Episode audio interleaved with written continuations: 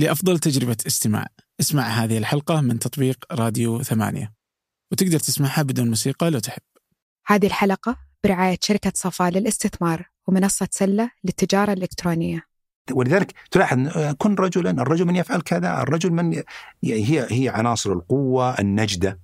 الفزعة القيام بال- بالحماية هذه العناصر تحتاج إلى قوة بدنية قوة ذكرية. فإذا ترقى أخذ بعض هذه الأخلاقيات والتزم بها سنسميه رجلا. إذا اعتبرنا أن الس- ال- الأخلاق سلم سيكون هذا الرجل قد حقق سلم لدرجات محدودة منها. فإذا تقدمنا خطوة وقلنا أنه أصبح ذو مروءة هنا نتحدث عن المرء والمرأة. ولاحظ أن المرأة يعني هي رتبة فوق الرجولة. فالرجل إذا صعد من مرحلة الرجولة أصبح مرأة؟ إذا إذا أصبح مرأة مرأة آه أنت تحاول أن تحفر لي فخا لا أعرف ما هو. الحاسة عندي تقول في مشكلة لا لا لا. أهلا هذا فنجان من ثمانية وأنا عبد الرحمن أبو مالح.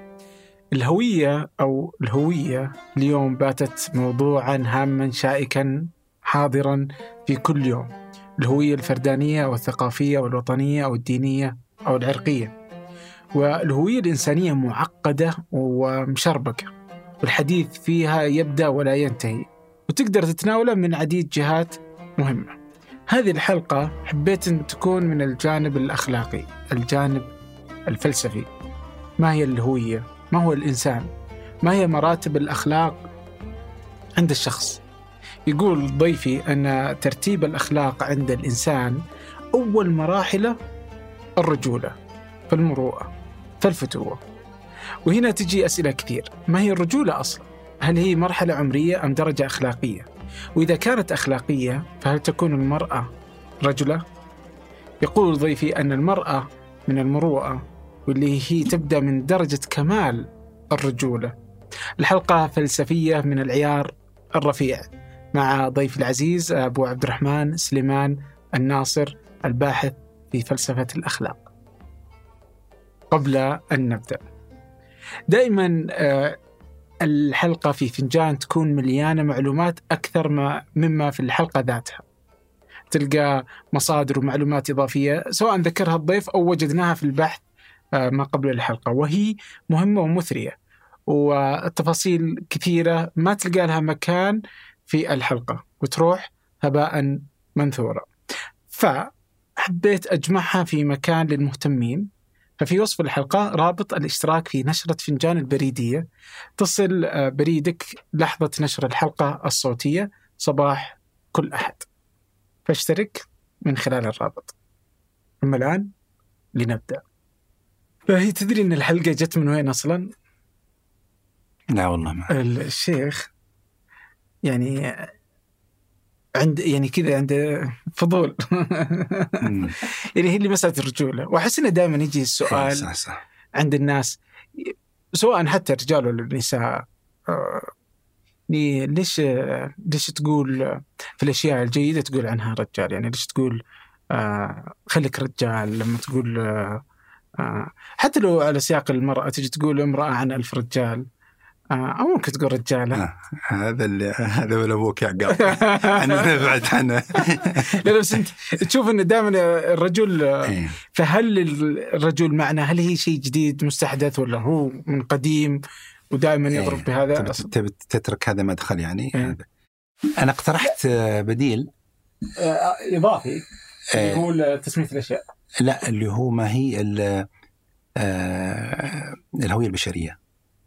الهوية البشرية بس يكون يكون ما آه، موضوع أشمل لأنه يشمل تركي لأن أنا اقتراحي إن إحنا نتناول بداية يعني الدخول مباشر على الهوية يمكن على الرجوله ما يكون مؤسس. كان دخلنا البداية إنه التعريف الهوية البشرية. تناول فكرة الهوية ما هي؟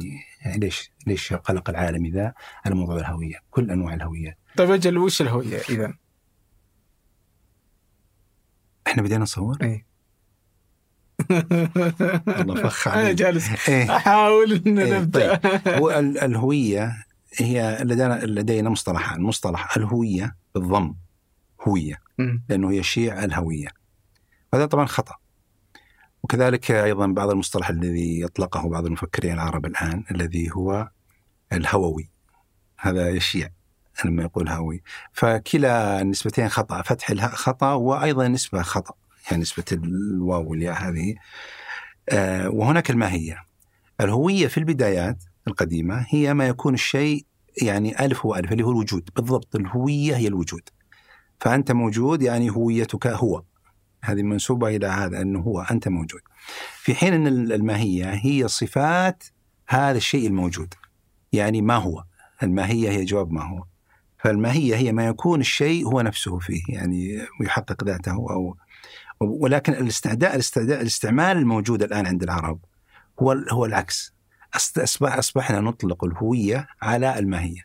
يعني إحنا لما نقول الهوية الثقافية لا نقصد الوجود الثقافي وإنما نقصد هذه الصفات الثقافية. وعندما نقول الهوية الاجتماعية أو الهوية السياسية أو الهويه كائنا ما كان الهويه وحتى نقول مثلا المؤسسة لها هوية معينة ثمانية لها هوية معينة. لا نقصد إنها وجود ثمانية هي موجودة ولكن نقصد صفاتها. ولكن هذا الانزياح أصبح معمول به ومتواضع عليه ولا, يوجد فيه إشكال. اصبح الناس كلهم يتحدثون عن الصفات بأنها الهوية. لما نتحدث مثلا عن الهوية البشرية نقصد لا نقصد الوجود البشري وإنما نقصد صفات هذا البشر. وطبعا آه، الخزان الذي تتواجد فيه تعريفاتنا والإشارة إلى قيمنا ومعارفنا وفهومنا هو هو اللغة التي يتواصل الناس بها. فاللسان العربي له ثلاث آه، مصطلحات أو نقول تجليات لهذا الكائن الذي نتحدث عنه آه الذي أشكل على أخيه الإنسان كما يقول التوحيدي له ثلاث ثلاث مسميات هي مسمى الإنسان ومسمى البشري أو البشر ومسمى ال ال الآدمي. في البداية لابد أن نحدد مسارنا. هناك مساران في تناول هذه المسائل. المسار المعهود عند البشر والذي فيه تقاليد راسخة وتأسست عليها القيم الأخلاقية والتعامل البشري بعضهم مع بعض هو المسار الأخلاقي. يعني النظر إلى هذه العلاقات من منظور قيمي وأخلاقي. لماذا؟ لأن الأخلاق أساسها هي هذه الأفعال البشرية بعضهم مع بعض ال ال ال الأخلاق هي الفعل وبالأساس الفعل الإنسان مع الإنسان فبالتالي المجال الذي يتناول هذه هذه الصور أو هذه المصطلحات الثلاثة ينبغي أن يكون وما يتفرع عليها طبعا من تعاملات ينبغي أن يكون مسار أخلاقي. هناك مسار جديد مستحدث يعني يحتاج إلى يعني طرح مستقل ونقاش مستقل وهو الذي بدأ مع الثورة الفرنسية تقريبا وهو المسار الحقوقي الذي بدأ بسؤال الحقوق ثم تطور إلى هذا ما يسمى بالانفجار الهوياتي الموجود في العالم يتناول مسائل الجندر وهذه الإشكالات التي تبدا ولا تنتهي ويبدو ان في بداية الطريق يعني والتي آه لا نزل في بداية الطريق؟ لأن الفكرة المركزية فيه هي تقول مفهوم آه، مفهوم المساواة. وتعرف الشعار الذي يطلق في الثورة الفرنسية هو آه، آه، المساواة والمساواة والإخاء والإنسانية. وهناك ملاحظة أطلقها مؤرخ مشهور آه، هذا المؤرخ اليهودي هراري نوح. أطلق ملاحظة طريفة هو حقيقة هذا الرجل يعني شيطان في ملاحظاته. هذه الملاحظة أطلقها في كتاب اسمه الإنسان إله. يقول إن البشرية نادرا ما تبتكر قيم. نادرا جدا. وهذا حقيقي. يعني فيقول وهذا يتضمن تسليم يعني مفيد ونافع وهي أن البشرية كأنها جاءت إلى هذه القيم في لحظة مبكرة واستمرت معها. فيقول إن اللحظة التي ولدت فيها في العصر الحديث قيم جديدة هي اللحظة الفرنسية الثورة الفرنسية. ولدت فيها هذه القيم قيم المساواة وقيم الإخاء آه والثالثة آه، نسيت هي الإنسانية ربما آه المساواة نعم والحرية آسف الحرية والإخاء والمساواة. إن هذه القيم الثلاثة طبعا ممكن تقول أن الحرية أصلا موجودة لكن نتحدث نحن بالفعل عن معنى جديد الذي هو الحرية الفردانية المطلقة. وبالنسبة للمساواة أيضا المساواة المطلقة وبالنسبة للإخاء يعني له أيضا دلالته الخاصة الحديثة. آه بعدين ي... ي... طبعا يتحدث هو لاحقا بأنه الآن مثلا مع الذكاء الاصطناعي جاءتنا قيمة جديدة وهي قيمة حرية البيانات. ويفرق طبعا بين حرية البيانات وحرية الإنسان لأن حرية الإنسان منسوبه للانسان في حين حرية البيانات منسوبه للبيانات نفسها قصة ثانية طويلة يعني. نرجع إلى فكرة التي أشار إليها أن البشرية أطلقت مع الثورة الفرنسية أو لنقل أوروبا أطلقت مع الثورة الفرنسية مفهوم المساواة المطلقة. الآن نحن كل هذه التداعيات باتجاه هذا التضخم لمفهوم المساواة. وأنت تعرف هذه الحركة اللي يسمونها حركة الوكيزم اللي هي اليقظة. هو في النهاية فكرتها المركزية أنه لا توجد فروق. أن هناك نوع من اليقظة يعني أن نستيقظ عن هذه الخديعة التي تفشت عند البشرية وهي وجود آه، فروق. طبعا فروق بين الرجل والمرأة فروق بين الأسود والأبيض فروق بين الشمال والجنوب فروق متعددة. والآن وصلنا إلى مرحلة الفرق بين الحيوان والإنسان أنه حتى فكرة الفرق بين الحيوان والإنسان وهذه لن تنتهي.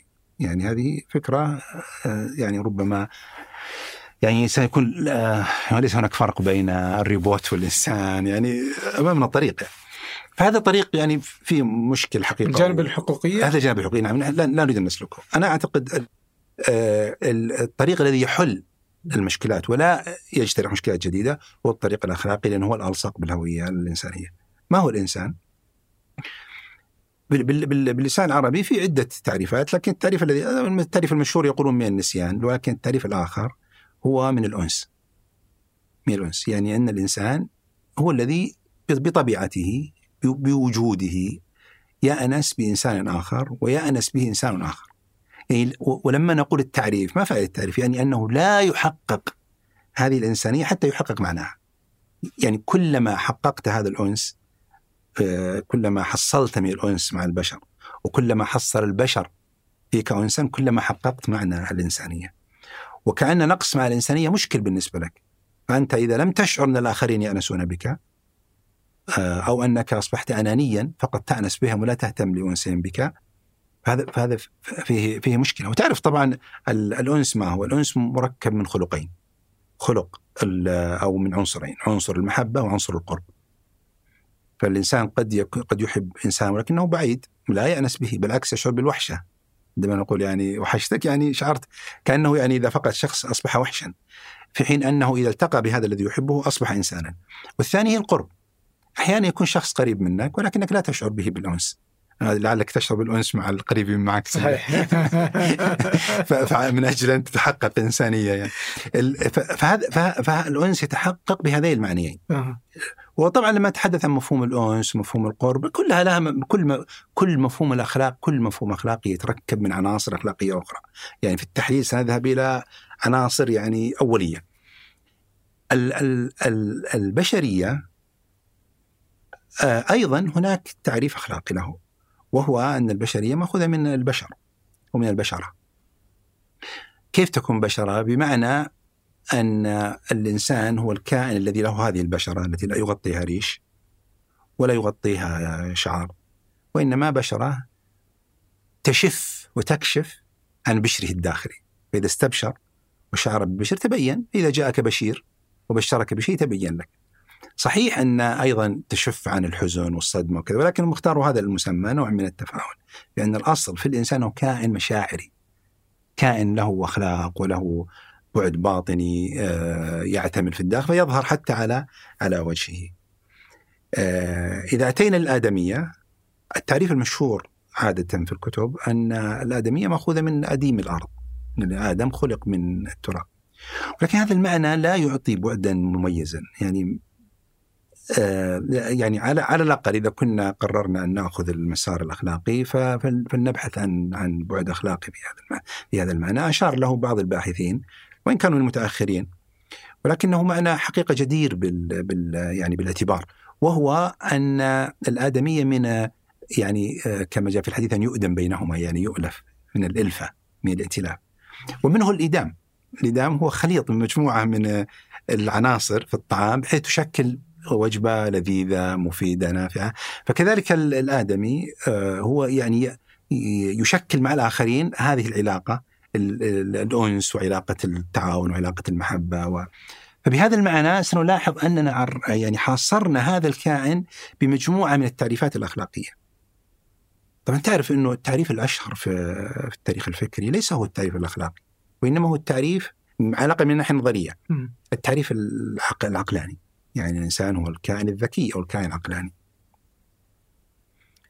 ولما نقول تعريف الإنسان بأنه كائن عقلاني هذا يعني أن الصفة التي يجب أن تحكم كل تصرفاته هي العقل والذكاء. في حين أن العقل والذكاء هي التقنية أداة تقنية أداة. ليس فيها تقويم. في حين أن الأخلاق ما هي المقولة المركزية في الأخلاق الحاكمة؟ هي مقولة الخير والشر. كما أننا نقول أن في الاقتصاد هناك مقولة الربح والخسارة في الجماليات هناك مقولة القبح والجمال أو الحسن. في في يعني في المجالات الإنسانية هناك مقولتان حاكمتان. في, في الأخلاق هناك مقولة الخير والشر. ما هو, ما هو الخير والشر الذي في الذكاء؟ الذكاء قد يكون شريرا قد يكون خيرا. وإذا نظرنا أيهما يعلو على الآخر سنجد أن الذكاء يندرج يعني يمكن أن يوصف إذا ما دام أنه يوصف بالخير والشر معناه أنه فرع وأن الأعلى المقولة الحاكمة هي مقولة الخير هي مقولة الخير والشر. فإذا الحقيقة أن المقولة الأعلى أرفع والأعلى هي مقولة آه، الخير والشر. ولذلك المقولة المشهورة أن العقل آه، يدلك على الأنفع. هذا الأنفع هو نافع. قد ليس بالضرورة أن يكون خيرا أو شر قد يكون ضارا هذا النافع. يعني النفع بمعنى الزيادة آه، في حين أن المروءة تدلك قيل على الأرفع. يعني هذا على الأنفع وهذا على الأرفع. هذا يعطيك نفع وهذا يعطيك سمو. يحقق هذا البعد المتسامي والأخلاقي. وقيل الأجمل والأجمل أيضا مقولة التسامي و آه، يعني مقولة مقولة الجانب بالمعنى القديم وليس فقط بالمعنى الحسي الحديث. فهذه المعاني هي التي تحدد مسارنا نحن كبشر ويجب أن تحكم هذا المسار وطبعا خلال المسيرة البشرية حدثت آه، تغيرات وانحرافات مثل ما قلت لك هذا التعريف الذي حدث أصبح مشكل كبير يعني في تعريف امتد حتى في الحضارة الحديثة وعلى فكرة أنا أعتقد أن هذا الاهتمام بالتقنية والريبوتات والذكاء الصناعي هو يعني امتداد لهذا لهذا لهذا المعنى. تعرف أن المقولة المقولة الحاكمة في الحداثة التقنية مقولتان. مقولة كل ما آه، يمكن صنعه كل كل شيء يمكن كل كل شيء ممكن. والمقولة الثانية أن كل كل ما أمكن صنعه وجب صنعه. فليس هناك تفكير هل هو ضار أو نافع إلى أين يفضي هذا ليس مهما التقنية تقول افعل انتج وحقيقة هذا الذي بات يقوله يعني تعرف المقولات التي ظهرت المراجعات حول موضوع الذكاء الصناعي هل. هل استعجال البشر هل راجعوا هل كذا لأنها تنفلت الأمور من ما دام الموضوع تقنية تنفلت. وحرية البيانات التي يقول هذا الرجل هراي نوح قصده إن البيانات استقلت. لأنه يقول إن نحن في صدد كما قلت لك قبل نحن في أول الطريق يقول نحن في صدد فصل مفهومين. مفهوم الوعي ومفهوم الذكاء. إحنا عادة في المنظور الإنساني نربط بينهما. ولذلك الناس الذين يتفاءلون في موضوع الرواية يقول لا لابد أن يكون هناك ذكاء ذكاء لابد أن يكون هناك وعي. ولا يمكن للآلة أن, أن, أن تكون أن تكون واعية ولا يتحكم في الذكاء. المقولات المطروحة أنا لا أدري هل هل سيتحقق لاحقا أو لا لا يعني لا أعرف عن جذور هذا من الناحية التقنية والفكرية. ولكن الحديث الدائر بينهم أن أن ما, ما, ما يتجه إليه البشر هو فصل الوعي عن الذكاء. وطبعا إذا انفصل الذكاء سيتحكم بالذكاء هو الأقوى سيتحكم في الوعي الإنساني. الجماليات المعمارية مهمة بس جودة البناء أهم وحداثة التصاميم مهمة لكن الخدمات والمرافق أهم. المهم والأهم مضمون. تملك المستقبل مع وحدات شركة صفاء للاستثمار. أعرف أكثر من الرابط في وصف الحلقة.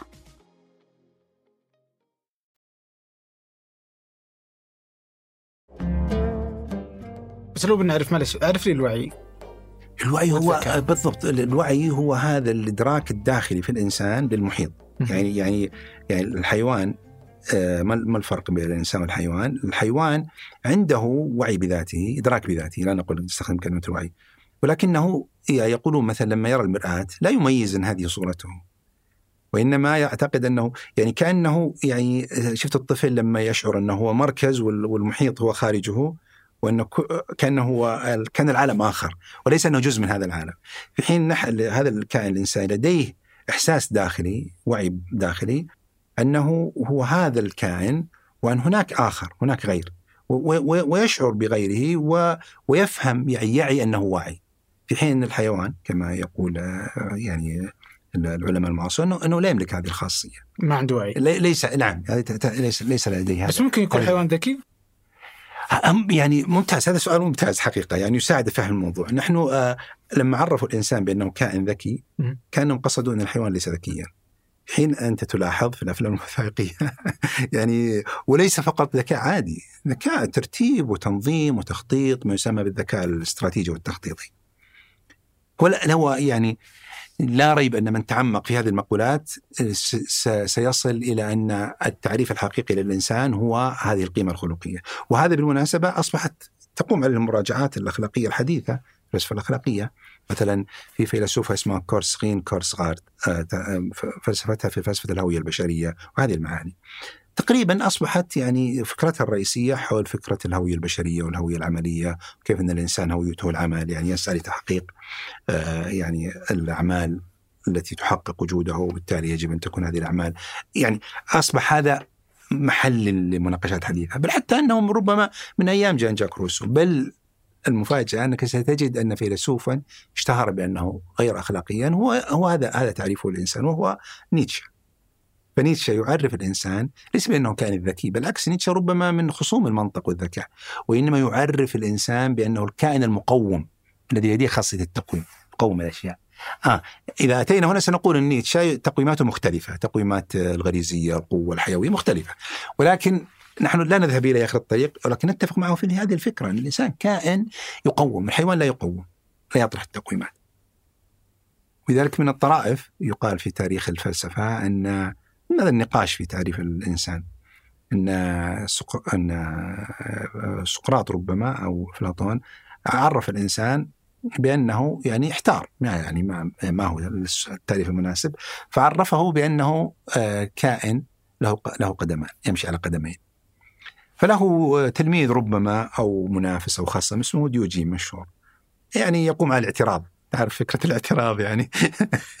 أنا أعترض أنا موجود. إنسان إي نعم. ويعني آه، الإنسان يحقق آه، شيئا من وجوده والاعتراف به من خلال آه، ال- الاعتراض. وإذا كان الاعتراض قائم على أداب أخلاقية ولا بأس بشيء جيد بالعكس. المقصود أن هذا الرجل كيف كان اعتراضه؟ لم يتكلم وإنما جاء معه دجاجة من توفة الريش. حية وقذف بها بين في الحلقة حلقة ال- وقال هذا هذا إنسان بالنسبة لك. فأراد أن يبطل يعني آه، بشيء يشاهد بعينه. نعود ونقول إن التعريف التي سارت عليه حضارتنا وتتشبع به لغتنا وقيمنا واعمالنا والحقيقة أنه التعريف البشري العام وإن كان لا يقر به نظريا. لا يقر به نظريا لما تقول حضارتنا تقصد العربية ولا الإسلامية؟ نحن آه، الاثنتين. الاثنتين؟ الاثنتين. ما آه، ما في اختلاف بين آه، يعني قد تكون في يعني فروق يعني آه، تقتضيها ولكن الاصل قلب هذه الثقافة الإسلامية العربية هي التي هذه المعاني والقيم التي توجد في ال ال ال النص الثقافي وال- والديني القرآني ال- الإسلامي وأيضا من خلال تشبع ال- ال- اللغة العربية بها. هي أن الإنسان كائن أخلاقي كائن آه، فاعل يفعل. ولما نقول فاعل يعني مثلا من التعريفات المبكرة لهذا هو تعريف جان جاك روسو. جان جاك روسو يقول أن الإنسان هو هذا الكائن الذي يختار يعني يترقى. فالترقي هو فعل والفعل هي الأخلاق. ما هي الأخلاق؟ الأخلاق هي أفعال الأخلاق هي أفعال ربما اللبس الذي يأتي عند الناس هو التمييز بين الفعل الإنساني وبين المعاني القارة في الباطن التي نسميها القيم أو المعاني أو الفضائل. الاسم القديم عندنا هو الفضائل. الآن الاسم الحديث الحداثي هو القيمة أو نقول المعاني. واحيانا القدم يطلق عليها الأخلاق، يعني مثلا قيمة الصدق في داخلك هي قيمة،. لكن فعلك للصدق والكذب هذا فعل. الآن ال- الاصطلاح السائد الآن في ال- في الفلسفة الأخلاقية والبحث الأخلاقي والفكر الأخلاقي هو أن هذه المعاني نسميها قيم وأن الفعل نسميها تخلق أو أخلاق. آه. في حين في القديم كانوا يطلقون حتى على نسميها فضائل يعني. وحقيقة اسم فضائل يعني ألصق ب- بمعانينا القديمة ولكن فيه عيب وهو أن الفضيلة كأنها فضلة زائدة في حين أن القيمة معنى حديث ولكنه معنى أنه يقوم يعني يعطي الأشياء قيمتها. أنت تقوم تحكم على الشخص بأنك تقول كاذب أو أو أو صادق. أنه وفي أو غدار أو أنه آه يعني عنده مروءه أو لئيم. آه، أو تقول إنسان أو تقول شخص يعني كانك تنزع عنه انسانيته أو تقول هذا آدمي نوع من التقويم له وأيضا التقويم بمعنى.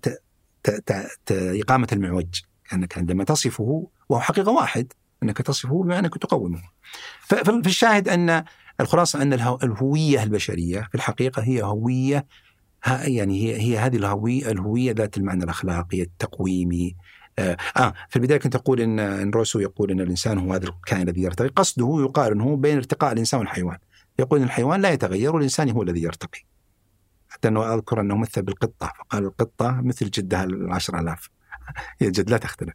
في حين الإنسان لا يختلف. لماذا؟ لأنه يختار ويكسر آه فالقط إذا أتيت له ربما بأكلات مختلفة لا يقبلها. في حين الإنسان قد نعم يكسر. وهذا الكسر قد يكون إلى الاعلى وقد يكون إلى إلى الأسفل. يعني هي لها وجهين.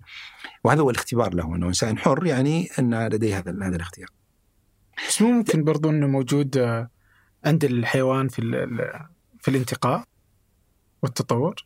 يعني آم، ربما هذا يحتاج إلى عالم آه، يعني مختص لا نستطيع نفتي لكن قصدي أنا الفكرة السائده التي نراها باجمعنا هو هذه انه هناك أكل ثابت مثلا حتى في في الحياة الحديثة تذهب إلى سوبر ماركت هناك أكلة خاصة للقط أكلة خاصة كأنه يعني اعتاد على هذا لنقول أن أن أن التحرر الذي يحدث للحيوان بسبب الإنسان يعوده آه. ويدربه وربما يعني نعود إلى هذه المثلث الذي هو الحياة الإنسان والآدمي والبشري وقلنا إنها كلها تدل على معاني آه، أخلاقية عند في هذا المجتمع ال- بين هذا الكائن الذي نسميه الإنسان. سيتفرع عن مفهوم الإنسان مراتب. مثلا آه، يعني المعهود عندنا والموجود في اللغة. لدينا مفهوم آه، الرجولة. يتفرع عن الإنسان. ثم لدينا مفهوم المروءة. الرجولة يشتق منه مفهوم الرجل. وبعض اللغات مفهوم الرجولة ولكن لو لا يستعمل موجود في اللسان يعني في اللسان العربي. الرجل الرجل نعم رجل ولكن آه، أهمل يعني ما عاد يستخ- يستخدم. وحين يستخدم استخدام الذم لأن المرأة تتشبه مثلا أو كذا يقال عنها رجل بهذا المعنى.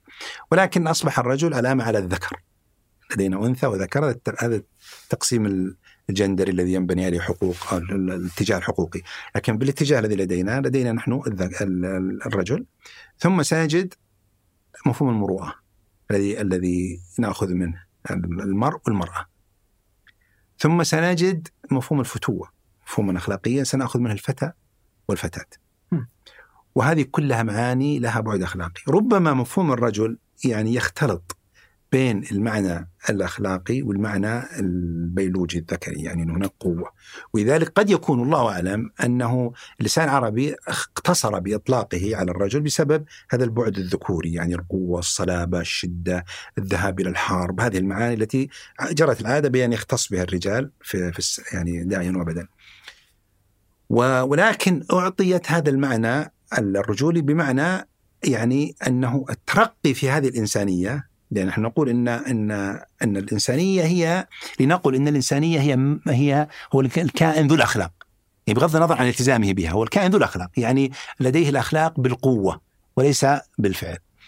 فإذا ترقى أخذ بعض هذه الأخلاقيات والتزم بها سنسميه رجلا. سنسميه رجل في في سياق مخصوص سنسميه رجلا. ايا يكن جنسه. نتحدث لا نتحدث الآن عن هذا عن هذا عن الذكر. آه فنقول إن الذكر إذا تمسك ببعض الأخلاقيات وهذا الشرط معناه إذا تخلى عنها تخلى عن هذا الوصف. أوكي. إذا إذا ولذلك تلاحظ آه، كن رجلا، الرجل من يفعل كذا، الرجل من ي- هي هي عناصر القوة، النجدة، الفزعة، القيام بال- بالحماية، هذه العناصر تحتاج إلى قوة بدنية، قوة ذكرية. فمن ي- من يحققها يرتقي بسلم الإنسانية درجات فنقول هذا الرجل حقق مجموعة من إذا اعتبرنا أن الأخلاق سلم. سيكون هذا الر- الرجل قد حقق سلم لدرجات محدودة منها. فإذا تقدمنا خطوة وقلنا أنه أصبح ذو مروءة. هنا نتحدث عن المرء والمرأة. ولاحظ أن المرأة يعني هي رتبة فوق الرجولة. بهذا المعنى، إذا نظرنا بهذا المنظور الرتبة الأخلاقية التي ينسب إليها المرء والمرأة هي فوق الرتبة الرجولية لأنها تت- تتضمن ما هو أكمل منها. فما هي المروءة؟ المروءة هي كمال هذه الرتبة التي قبلها، كمال الرجولة. أها. هكذا يعرفونها وأول من عرفها تعريف مبكر والفراهيدي عندما في كتابه العين عندما عرف آه ال- ال- المروءة قال هي كمال الرجولية أو كمال ال- فدل على أن هذه القيم التي تطلق عادة على من يرتقي تلك الدرجات هناك درجات أعلى منها أنه توصف بأنها مروءة. وعادة مسمى يعني طبعا إذا ذهبت إلى الكتب الأخلاقية وهي من أمتع الكتب التي يمكن أن تقضي فيها وقتا. من أمتع الكتب. خصوصا الكتب الأخلاقية التي تعرف مفهوم الرجولة، مفهوم آه، المروءة، مفهوم الفتوة، وحتى مفهوم الكرم والرجاء، هذه المفاهيم الأخلاقية التي تشكلنا. إذا ذهبت إلى تعريفاتها ورأيت كيف يعبر عنها القدماء. سواء شعراء أو حكماء أو الأخلاقيون المتصوفة أو الفقهاء كل واحد ينظر لها من زاوية هذا يذكر تعريفا وهذا يذكر تعريفا وأنت يعني تهيم في هذا يعني هذه هذه ال الحديقة الغناء ولا تجد إلا روائح زكية ومعاني جميلة وأنوار وت- و... و... ثم طبعا ربما إذا أتيت إلى الواقع وجدت شيئا آخر. ولكن على على كل حال هذا هو الذي يسمو إليه الإنسان. الإنسان كائن سامي يسمو فهو يتطلع إلى هذه المعاني. فالم... فالمسميات الثلاثة الإنسان والرجولة والمروءة تقريبا تتحدث عن الكائن ذو الأخلاق ويتفاوت. في تمسكه بالأخلاق بين إنسانية أو رجولة أو مروءة المروءة هي لنقل إن المروءة هي كمال الأخلاق الإنسانية. أها. كمال أخلاق الإنسان المروءة صاحب المروءة وتندرج فيه أخلاقيات كثيرة جدا. هذه من الأخلاق المركزة الأساسية. أو لنقل من أمهات أو أمات الأخلاق إن يندرج في داخلها أخلاق كثيرة. وإذا عددوا فيتحدثوا عن المروءة قالوا هو الذي آه، يكف شره غيره والذي يفعل كذا الذي يفعل يذكرون أشياء كثيرة. ولكن الميزة الرئيسية أو الفارقة المائزة بين هذه القيم الثلاثة الإنسانية والرجولة والمروءة وبين القيمة الثالثة الفتوة هي أن في الغالب يعني أن هذه الثلاثة تقتصر في داخل الإنسان. يعني كأنها عناصر تزكي الإنسان كأنه يزكي نفسه من خلال بغض النظر عن علاقتها بالآخر. لاحظ؟ بغض النظر عن علاقتها بالآخر. فكأنها تخلق تجاه الذات. ولذلك يقولوا مثلا المروءة هو أن. أن الإنسان لا يفعل ما يشين وإنما يفعل ما يحسن. وتخيل هذه الكلمة جامعة شاملة. أشياء كثيرة تشين بالإنسان سواء على مستوى العلاقة مع الآخرين سواء على مستوى اللبس سواء على مستوى الأكل سواء على مستوى الكلام سواء أشياء كثيرة تشين بالإنسان. وهذا وهذه وهذا الشيء يعني الذي يلحق بالإنسان ليس فقط أمام الآخرين بل أمام نفسه. حتى إذا خلا بنفسه هناك مروءة. ولذلك الذين ربما بعض المصنفات توسعت في تعريف المروءة تحدث عن مروءة الإنسان مع نفسه مروءة الإنسان مع غيره مروءة الإنسان مع ربه. فلاحظ أنه حتى بينه وبين نفسه في الخلوة هناك مروءة فيقول أنه لا يفعل ما يشين به إذا فعله مع الآخرين إلا إذا احتاج. هناك أشياء تخص الإنسان لابد أن يفعله في في خلوته. ولكن بشكل عام مثلا من الأمثلة الطريفة اللي يقول مثلا الأكل بشرة. الإنسان إذا خلى بنفسه أكل بطريقة يعني أو مثلا تحدث بطريقة أو كذا أو فعل أشياء لا يفعلها أمامنا فيقولون هذا يزري بمرؤته أمام عينه. أمام عينه. وربما يظن بعض الناس هذا فيه تنطع أو فيه ول- وليس كذلك بل هو تزكية. ما هي التزكية؟ هو هو هذا التطهير هذا التنقية. لذلك في القرآن مثلا لما عرف ذكر مجموعة مواصفات يربطها بلفظ مثلا فيه رجال كذا. فيقول مثلا آه، في المسجد الذي يسعى التقوى قال فيه رجال يحبون أن يطهروا. والطهارة هنا معنى عام ليست معنى الطهارة بالمعنى فقط الحسية وإنما فكرة الطهارة العامة. ال- ال- النقاء الداخلي فكرة النزاهة. يكون إنسان نزيها. وفكرة النزاهة فكرة عظيمة جدا تقوم عليها الآن مبادئ آه، يعني تشغل ال- المجال الفلسفي العالمي مثلا فكرة المسؤولية فكرة فكرة, مركزية. وكثير من الحراك والتقدم والتجديد الذي يحدث في الأنظمة وال- على مستوى القضاء والعدلية وال- وأنظمة مسؤولية الدولة وعلى مستوى المجال العام هي متفرعة عن فكرة المسؤولية. يعني واحد من عناصرها الأساسية فكرة أو مبدأ النزاهة. لدرجة مثلا يقولون الآن أن أن بعض سياسات الإصلاح الإصلاح العدلي تقوم على تهيئة ال- المجال العام من خلال تخليق المجال العام يعني إذا كان عندنا اهتمام بجودة الحياة هذا شيء مهم جدا أيضا عندنا اهتمام المفروض بتخليق نقص الحياة العامة. فكذلك ينبغي أن يكون عندنا اهتمام بتخليق الحياة العامة ببث قيم النزاهة والمروءة و... لأن هذا يس... يعني ي... طبعا بالتأكيد بالتأكيد أنه يرفع مستوى العلاقة البشرية بعضهم مع بعض ولكن أيضا يساعد في تحقيق الأهداف المرسومة ل مثلا وزارات العدل وكذا وكذا مهم. آه، يعني يعتبر أحد العناصر في إصلاح القضاء هو تخليق المجال العام. مع إنه قد لا يبدو لأول يعني بادئ الرأي ان هناك علاقة ولكن الحقيقة هناك علاقة. فالمقصود أن أن المروءة هي هذا هو هو هذا التخلق الذي يخص الإنسان في ذاته. هناك درجة أعلى التي نتحدث عنها وهي الفتوة. الفتوة ربما سأشير إذا بقي وقت عن لماذا يعني ما هو البعد اللغوي في الفتوة التي ترتبط بهذا المعنى الأخلاقي؟ لكن نتحدث عن المعنى الأخلاقي أهم. الفتوة هي كمال كل تلك الأخلاقيات ولكن متعدية الآخرين عندما أتحدث عن أن الإنسان يتعدى في فعله الأخلاقي في نجدته وفي عطائه إلى الآخرين لدرجة أنهم يقولون مثلا بعض التعريفات وردت عن القدامى مثل جعفر محمد من أهل البيت وبعض القدماء أن الأخلاق آه، مثلا مثلا هذا جعفر بن محمد رضي الله عنه سأل شخصا ما ما آه، ربما ما الفتوة؟ ربما نسيت والله ربما ما الفتوة؟ فقال له بأنها أنك تشكر إذا أعطيت وتصبر إذا ما قال هذا يفعله كل أحد. وإنما الأخلاق هو أنك تشكر إذا منعت. وتصل إذا قطعت أو شيء من هذا القبيل يعني معناه يعني معنى أنك لا تكافئ الآخرين بما يفعلون لك وإنما أن تكون أرفع أرفع منهم. وهذا هو نقول الفعل الأرفع إنك أن تكون ب ب ب ولا تفعل الآخرين يعني لا تقابل الآخرين ما يفعلونه. وإنما أن تكون يعني أكثر عطاء أكثر آه، نجدة. كلمة النجدة النجدة هذا مصطلح هذا خلق جميل جدا وجمالي وعظيم. وحتى اسمه يعني النجد هو الارتفاع النجد مع انجد هو المرتفع. ثم نقول هضبة نجد يعني مرتفعة. فالنجد هو الارتفاع. فلما تقول النجدة وكأنك هناك ارتفاع معنوي وحتى أيضا يعني ارتفاع مادي لأن الإنسان الذي ينجد هو من من لديه قدرة. فصاحب النجدة نقول صاحب النجدة ولذلك يطلق غالبا فكرة النجدة على الشجعان. الذين والرجل المقدام الذي يعني يعني تقدم ولا يبالي من أجل يعني من أجل الانتصار والحماية وكذا وكذا. فالفتوه الغرض منها هو هذا يعني الحد الأقصى من فعل الأخلاق تجاه الآخرين. ولكن ربما يقال طبعا نحن لما نتحدث لا نتحدث عن تراتب نقول إنسان يجب ثم ينتقي رجوله لا لا نتحدث عن هذا وإنما نصف يعني على الأقل نقول هذا الترتيب المنطقي. ولكن عمليا الإنسان يتقلب مرة ربما يفعل فعلا يقول هذا فعل فتوة في مرتبة عليا. ربما ينزل أحيانا يفعل فعل مروءة ربما ينزل وربما أحيانا يخرج من هذا السلم. وهكذا يتقلب.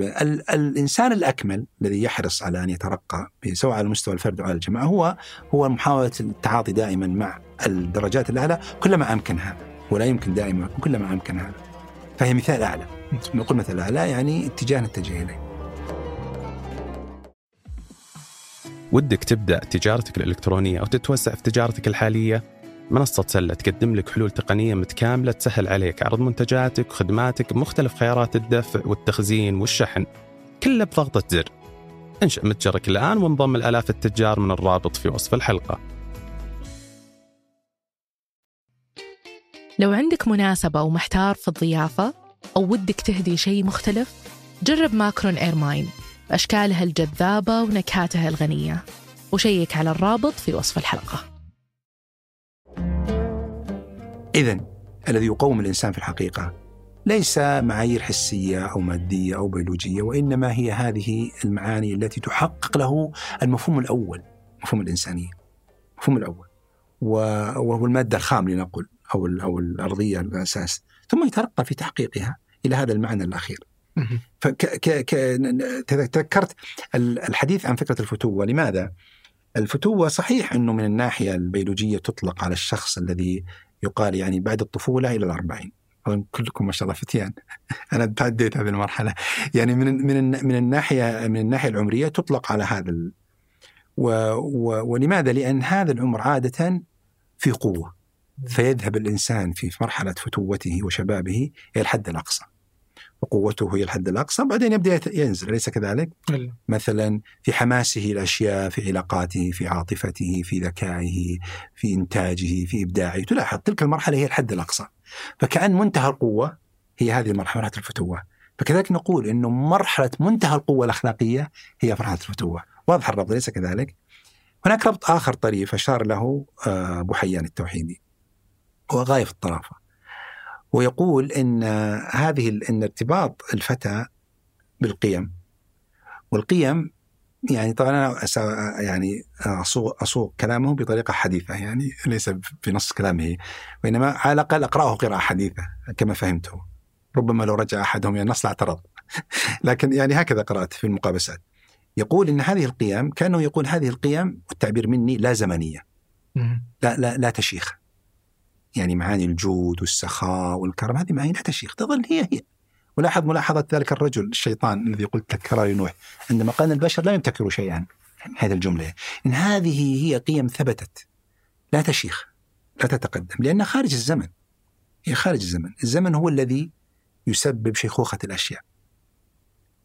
آه وبالتالي ولذلك لاحظ مثلا آه مثلا يعني هناك مفهوم معاصر مفهوم آه آه مركزي جدا جدا في الحياة الحديثة. ربما تخلى البشر عن أشياء كثيرة وعبدوا هذا المفهوم الجديد وهو مفهوم التقدم. التقدم دائما البشرية عندها مفهوم الت- التقدم ولكن كان تقدمها المادي مرتبط دائما كأن هناك حبال تشدها إلى ثوابت أخلاقية. فنحن دائما كنا نتقدم ولكن لدينا ما ما ما يعدل مسارنا قيم تختلف الحضارات، نحن لدينا حزمة مهولة من من القيم، لدينا قيمة ال يعني في قيمنا الداخلية هناك الاتجاه التي هي القبلة نسميها. هناك آه، قيم الشوق والسوق التي تسوقنا سوقا والشوق أيضا، وكلاهما هما واحد وربما بينهم هناك قيم آه، المروءة، قيم العدل، قيم الحق، قيم الجمال، قيم الاحسان، هذه وثابتة عند عند الأجيال. الآن مع الحياة الحديثة وعلينا أن نطرح هذا السؤال بشكل ضروري. ترك البشر آه، نتحدث عن يعني. تركت الحداثة والحداثة والحديث والحداثة إذا قلنا لا لا الحداثة لا لم تعد فقط هي الانسان غربي، إنسان غربي وابتكرها ولكن أصبح الإنسان في العالم كله إنسان حديثا لأنه أصبح مستهلكا، هناك منتج وهناك مستهلك. نحن أصبحنا كلنا كائنات فرضت علينا الحداثة قيمها وبعضنا يقاوم يعني هناك معاناة لهذا العالم الآخر. ففكرة التقدم تقريبا انت تقطع كل حبالها بهذه الرواسخ من أجل أن تتقدم وتبتعد. وطبعا لاحظ أن التقدم يقتضي آه، شيخوخه. ولذلك هذا السعار المحموم في الركض البشري هو دائما كل شيء عليه البشر ينتهي بسرعة بسرعة يذهب إلى ما بعده يذهب ما بعده، لماذا؟ لأنه لا ينظر إلى ما يتضمنه من قيمة أو فرغه من قيمته، أصبح شيئا أصبح كل ما يبحث عن الإنسان هو زمني داخل الزمان، والزمان يفني، زمان يصيبك بالشيخوخه، يتقدم بك، ينهي صلاحيتك، فيبحث عن المزيد ويبحث عن المزيد ويشعر الإنسان بالتهديد بحيث أنه باستمرار يبحث عن ولذلك المقولة التي ذكرتها قبل قليل أن الحداثه التقنيه والتقدم التقني يقوم على فكرة أنه كل شيء يمكن صنعه وأن كل ما ما يمكن صنعه يجب أن نصنعه، لماذا يجب أن نصنعه؟ لأن التقدم أصبح فريضة، أصبح هو المعنى، نحن لا نحقق معنانا حتى نتقدم. وأصبح هناك خوف من كل عائق. والشخص الذي يطلب بالمراجعات لأن نقد التقدم والمراجعات ليس من عندنا ليس من مفكرينا. هذا أكبر من ينتقد التقدم هم المفكرون الغربيون تشارلز تشارلز آه، تايلر هو أكثر شخص ينتقد. يعني فضلا عن آخر آخرين ولكن هذا الرجل يعني يقول عن نفسه أنه يتهم بالأصالة والرجعية وكذا وكذا بسبب نقده لهذه المفاهيم ولأنه يقال كل من نقد الرجعي آه، مفهوم التقدم انت رجعي تقف في طريقنا ابتعد عن الطريق. و و و وليس أنهم لا يعون أن هذا التقدم له آه، ندوب وخسائر ومش بل بل يعون تماما. ولكن أيضا من الأفكار التي تغيرت في المسار البشري سابقا كان يقال الوقاية خير من العلاج. أنك لا تضع قدمك إلا اي تعرف أين وضعتها وماذا يترتب عليها. وهذا يعتبر حزم وحكمة وكذا وكذا. هذا انتهى. أصبح الموضوع مقلوبا. العلاج خير من الوقاية. فدعني أتقدم وأغامر. شوف كلمة المغامرة والمبادرة والكذا والأشياء. إنه غامر وال... والإصابات نعالجها. يعني ما عندنا مشكلة. نحن صحيح أصبنا إصابات ولكن تقدمنا حققنا المطلوب التقدم. لذلك شوف مثلا مفهوم التأمين. ترى هذا التضخم الذي أصبح له هي فكرته هذه. أنك تقدم غامر في البحار وكذا واذهب وهناك شركات تغطي. حتى الخطر هذا حتى الإصابات وزعت. ما عادت وزعت دمها بين قبائل الشركات. ما عاد يحملها شخص. انتشرت. واصبح وأصبحت كل هذه العناصر تدفعك دفعا دفعا إلى أن تتقدم. هذا التقدم يبعدك عن المركز الذي هو الأخلاق التي هي تجد الإنسان في نهاية المطاف لا يفهم لماذا يجب عليه أن يتمسك بالأخلاق. وهذا الذي يفسر لماذا ظهرت هذه الكمية المهولة من المعرفة الأخلاقية غير المسبوقة. لاحظ. معرفة أخلاقية غير مسبوقة لكنها كلها نظرية لأن هناك فراغ مهول حدثه هذا التقدم الذي استغرق كل هذه المدة. لا أدري لكن ربما علينا أن نطرح سؤالا يعني كيف يعني لماذا تسارع هذا التغير؟ لماذا كان هناك أشياء راسخة عند البشر مدة طويلة ثم آه يعني اصبح اعاده النظر فيها ليس فقط فضيلة بل هو الأصل. أن تتمسك بها الناس يستغربون. هناك كتاب كتاب مشهور ربما يعني من أكثر الكتب الكتب التي قرأت وترجمت وهو كتاب الإنسان يبحث عن معنى. لفيكتور فرانكل وهذا طبعا يعني أستاذ التحليل النفسي وفيلسوف ومن فلاسفة المعنى يعني وله تجربة مريرة في المعتقلات النازية سجلها بكتابه ذاك لكنه ذكر آه، صفحة نفيسة جدا ثمينة جدا عنوانها حسب الترجمة بالفراغ الوجودي. ويقول فيها باختصار يعني إن الإنسان الحديث أصبح يشعر بالفراغ آه، والقلق. أصبح هناك قلق شديد عند الإنسان الحديث، لماذا؟ يحلل؟ حلل بتحليلين، التحليل الأول. الثاني أتفق معه وساذكره، الأول أختلف معه قليلا سأقوم بتعديله يعني. اجتهادا يعني. الأول يقول آه، طبعا باعتبار أنه يعني هو غير مؤمن وملحد وينطلق من فرضية تطورية وكذا قال النقطة الأولى. يقول النقطة الأولى أنه كان عند الإنسان لما كان حيوانا خاصية الرضا. الحيوان يرضى عن كل شيء. الحيوان لا يتطلع. هذا جزء من الوعي وانت لاحظ الحيوان لا يتطلع. يكتفي بما لديه. من أجل هذا لا يتطور لا يلحق. يعني هو مثل جدة العشر آلاف هو هو. ليس لديه لديه رضا رضا مفرط. ولكن هذا لنقل هذا الجين أو هذه الخاصية البيولوجية في الرضا الإنسان تطور وتركها. فأصبح قلقا. وفقدها بتعبيره إلى الأبد. لا يوجد علاج انتهينا. بما أنك إنسان فأنت قلق. هكذا. ولذلك يتحدثون عن معنى مثلا الفلاسفة الوجوديون مثلا هايدغار وسارتر وامثاله يتحدثون عن القلق الوجودي. القلق الوجودي لا يقصدون القلق الذي ليس له سبب. وكينونة يعني كيانيتنا كبشر أننا قلقون. فهذا الرجل فيكتور فرانكل يشرح بهذا ولكن أنا يعني أقترح أننا نعدل هذا التعريف فنقول هو يعني هو يشعر بالحقيقة يقاربها بطريقته. ولكن إذا أردنا أن نعدل سنقول صحيح هناك فطرة داخل الإنسان هو يسميها غريزة فقدت. نحن نقول فطرة بهذا بهذا الرضا. والشعور بهناك معنى في العالم يبعث له هذا الرضا. ولاحظ لاحظ أنه جاء جاء بسياق بسياق مشكلة المعنى بالنسبة له. فنحن نقول إن الإنسان الحديث آه، يعني على ما يتحدث عنه هو الإنسان الحداثي آه، تخلى عن هذه الفطرة، مسخها، غيرها، نسيها بطريقة أو بأخرى. لأن الفطرة هي مفهوم سابق مغروس في الإنسان أو مفطور عليه الإنسان، ولكنه يجب أن ينمو من خلال التعبد البشري والتعبد العمل الديني التعبد لله سبحانه وتعالى والعمل الديني والاتصال بشريعة وهكذا مجموعة عناصر مرتبطة بمفهوم الفطرة هي تنمي مفهوم الليل لا يخمل إما أن ينشط أو يخمل. فهو يتحدث عن هذا الخمول بأنها غريزة التغير هذا ما يهم اللي يهمنا هو العامل الآخر. وهو يقول أن البشرية في هذا الحدث الآخر؟ العامل الآخر. العامل عاملان. الأول هو هذا الذي سماه هو تطور تجاوز فقدان الإنسان لغريزة آه، غريزة الرضا. الثاني هو الأهم وهو أن آه، ولاحظ الكتاب كتب تقريبا في ربما في الأربعينات أو الخمسينات آه، أن المجتمعات الحديثة فقدت التقليد التقاليد الإنسانية التقاليد الإنسانية. التقليد معناه المذموم وإنما لنقل وأحيانا ترجمته بالتقليد أصبح يعني يعطي انطباع. هو الظرف في التعبير المستخدم هو التراديشن يعني التقاليد العامة الميراث البشري نقول الميراث البشري. أن البشرية لديها خبرة راكمتها خلال يعني آلاف السنين واختبرت أشياء كثيرة. شيء منها نقلته عن الأديان وشيء منها نقلته عن الحكمة شيء نقلت ويعني هذه الماكينة واختارت منها أشياء واستمرت عليها. ومفهوم واسع يتضمن أشياء كثيرة لكن هناك تقليد بشري يشعر الإنسان فيه بالأمان لأن أفعل ما فعل غيري. لا أحتاج أن أعيد اختراع العجلة في أشياء كثيرة. آه فيقول هو أن البشر هؤلاء تخلوا عن هذا التقليد. والتقليد له ميزة.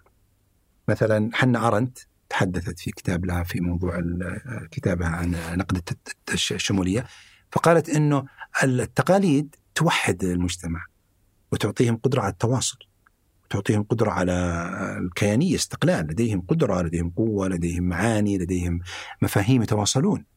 فإذا تذرروا تفردوا تخلوا عن هذا التقليد اللي يجمعهم أصبحوا كائنات فردانية ذرة تبدأ من جديد. وتخلوا واكتفوا بقوة بقوتهم الخاصة وتخلوا عن هذا مجموع القوة. وأنت تعرف انه المجموع ليس كال كالفرد يعني. كما يقال احاديه المجموع ليس كمجموع الاحاديه يعني هناك قوة لهذا آه، قوة أخلاقية وقوة عملية وقوة كيانية يعني وجودية. فيقول تخلوا عن هذا هذا المعنى. الحقيقة البشر تخلوا عن أشياء كثيرة في الحداثة. وإذا قلنا تخلوا عن التقاليد تتضمن تخليهم عن الدين. لو قيل لنا من أين جاءت التسميات؟ تسمية آه، الذكر الأنثى الرجل المرأة الخير الشر. التسميات في الحقيقة هي مفهوم إلهي. هي مفهوم إلهي. وهذا نص بالنسبة لنا نحن. وهذا حتى موجود في مثلا في التوراة والإنجيل ستجد نصوص تدل على هذا المعنى. وعلم آدم الأسماء كلها. نص صريح واضح. صحيح أن هذه الآية يعني فيها إشكال كثير عند المفسرين في في التفاصيل يعني في ولكن المعنى الكلي واضح. أن الله سبحانه وتعالى علم آدم الأسماء كلها. إذا رجع أن ابن عباس يقول علمه كل شيء بأعيانها هناك من العلماء من قال لا أنه علمه التسمية. يعني كيف يسمي الأشياء. وكيف تسمي الأسماء يعني ليس اعتباط وإنما يعطيها المعنى الذي آه، قالوا مثلا مفهوم الحلال والحرام والخير والشر المعاني المعاني الكلية. وحتى في قول الله سبحانه وتعالى الرحمن خلق الإنسان. آه، الرحمن أنزل القرآن خلق الإنسان علمه البيان. آه، يقول علمه البيان يعني بيان حقائق الأشياء وما فيها من خير وشر فالإنسان ليس مادة خام ليس ريبوت يدخل يعني تدخل في بيانات بيانات وليس معلومات يدخل فيه بيانات هناك فرق. في حين الإنسان لا أدخلت فيه معاني قيم قارة توجهه فطبعا لما نسي البشر المسمي الذي هو الله سبحانه وتعالى. بالتأكيد لا لا معنى إلى أنك ترفض المسمي وتؤمن بالنتيجة. الاسماء هو أصلا مشكلة الناس مع المسمي هي التسميات. آه، لو لو انه لو أنه لم يتدخل ربما ما ما ما رفضوه. فالآن هناك هذا التطرف اليساري الواضح في رفض الأديان واكيد يفضي إلى إلى هذا المعنى التطرف الواضح والقوي في رفض كل هذه النتائج. وهنا علينا أن نبدأ من جديد. يعني نعم نقول إن البشرية قد اختبرت هذه التسميات فترة وكانت ناجعة ومفيدة في فترة من الفترات. لم نعد لا لا نحتاج إلى أن نستمر. لماذا لا نجرب؟ انتهت. آه، في فترة من الفترات كانت مفيدة الآن ليست مفيدة. ضارة فيها بعد عن المساواة فيها فيها فيها ظلم وهكذا يعني. ثم لنبدأ من جديد. شفت لاحظت كيف التقليد كله كل التقليد البشري انتهى يبدأ من جديد. فأنا أعتقد والله أعلم يعني إنه هذه هذا الحدث الجديد الذي هو إنكار آه، المسمي وإنكار الخالق هو حدث جديد تماما. وبالمناسبة يعني لطالما قال علماء المقالات أو علماء تاريخ الأفكار مثل الشهرستاني ومثلا إنه أن البشرية لم يمر عليها في تاريخها الطويل مرحلة أن يجتمع الناس على إنكار الخالق. الإلحاد الإلحاد بمعناه الحديث وليس معناه القديم الإلحاد الذي هو التعطيل نفي وجود الأول. كما يسمي الفلاسفة العلة الأولى. يقول هذا لم يمر على البشرية مجموع بشري وإنما يمر آحاد آحاد الله أعلم ما سببهم هل هي يعني أهواء ولا أمراض الله أعلم ولكن أفراد أفراد. حتى ذكر ابن تيمية ابن تيمية يوافق الشهرستاني على هذه المقولة. حتى أن ابن تيمية يقول إن القرآن أصلا لا يناقش موضوع الربوبية يجعله مسلما. في في حجاجه مع مع توحيد الالهيه الذين يشركون يدعون مع الله غيره. يقول ما دامكم تقولون إن الله هو الخالق الصانع الفاعل الكذا الذي رزقكم وأعطاكم وكذا وكذا فكيف تعبدون غيره؟ فكأنه مسلمة في, في النقاش. فيقول إن القرآن يقوم على هذا. ربما يعني ربما نجد إنه هناك إشارات في القرآن في الآية ولكن الرؤية الكلية هي حقيقة صحيحة.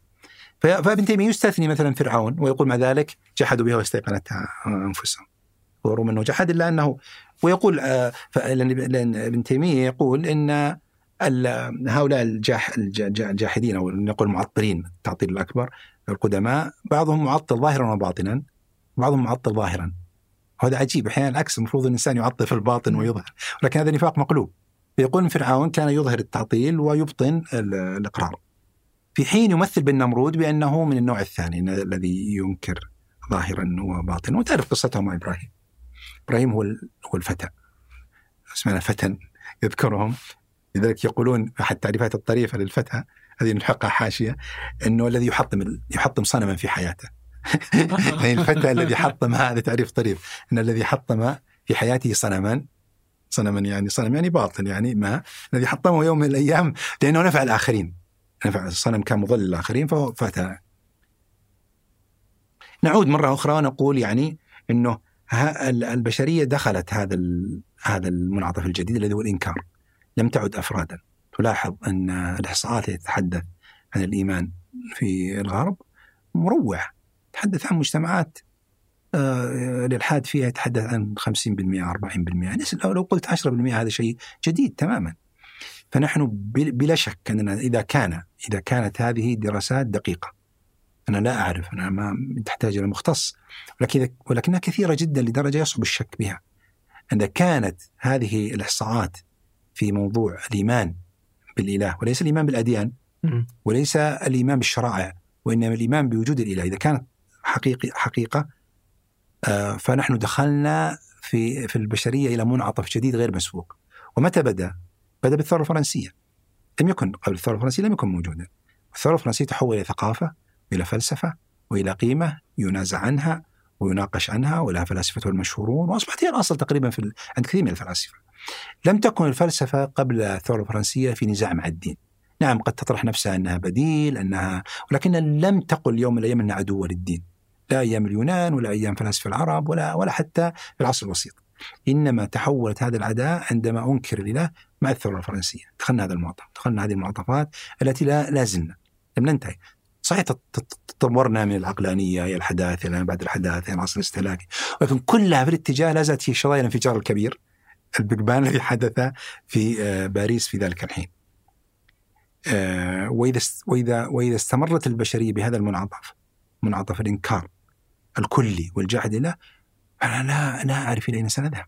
لا يعني لا لا يوجد إذا كنا قبل قليل نقول لا توجد إن التقدم قطع صلته بالقيم الروحية ولا وأصبح كل التقدم داخل الزمان، لم يعد هناك شيء خارج الزمان، أصبح كل شيء داخل داخل داخل هذا العالم، لم يعد شيء هناك خارج خارج العالم، لم يعد هناك غيب ولا قيم باطنة ولا روحانيات، لم يعد إلا هذا، حتى الروحانية أدخلت إلى داخل هذا العالم، فأصبح هناك روحانيات دهرية أو روحانيات داخل داخل العالم، لا يوجد شيء خارجه. فاذا لا يوجد شيء خارج العالم. لا يوجد الآن وصلنا إلى مرحلة إنكار الإله. فالله أعلم. ولكن أعتقد يعني أن هذه التطورات قد لا تكون بشكل مباشر يعني لا يعلن المناضلون عنها هذه الصلة ولكن في التحليل النهائي أنت لا تجد إلا أنها هي جزء من هذا التطور الذي حدث خلال آه، آه، يعني نقول عقد القرنين الماضيين. باقي شيء؟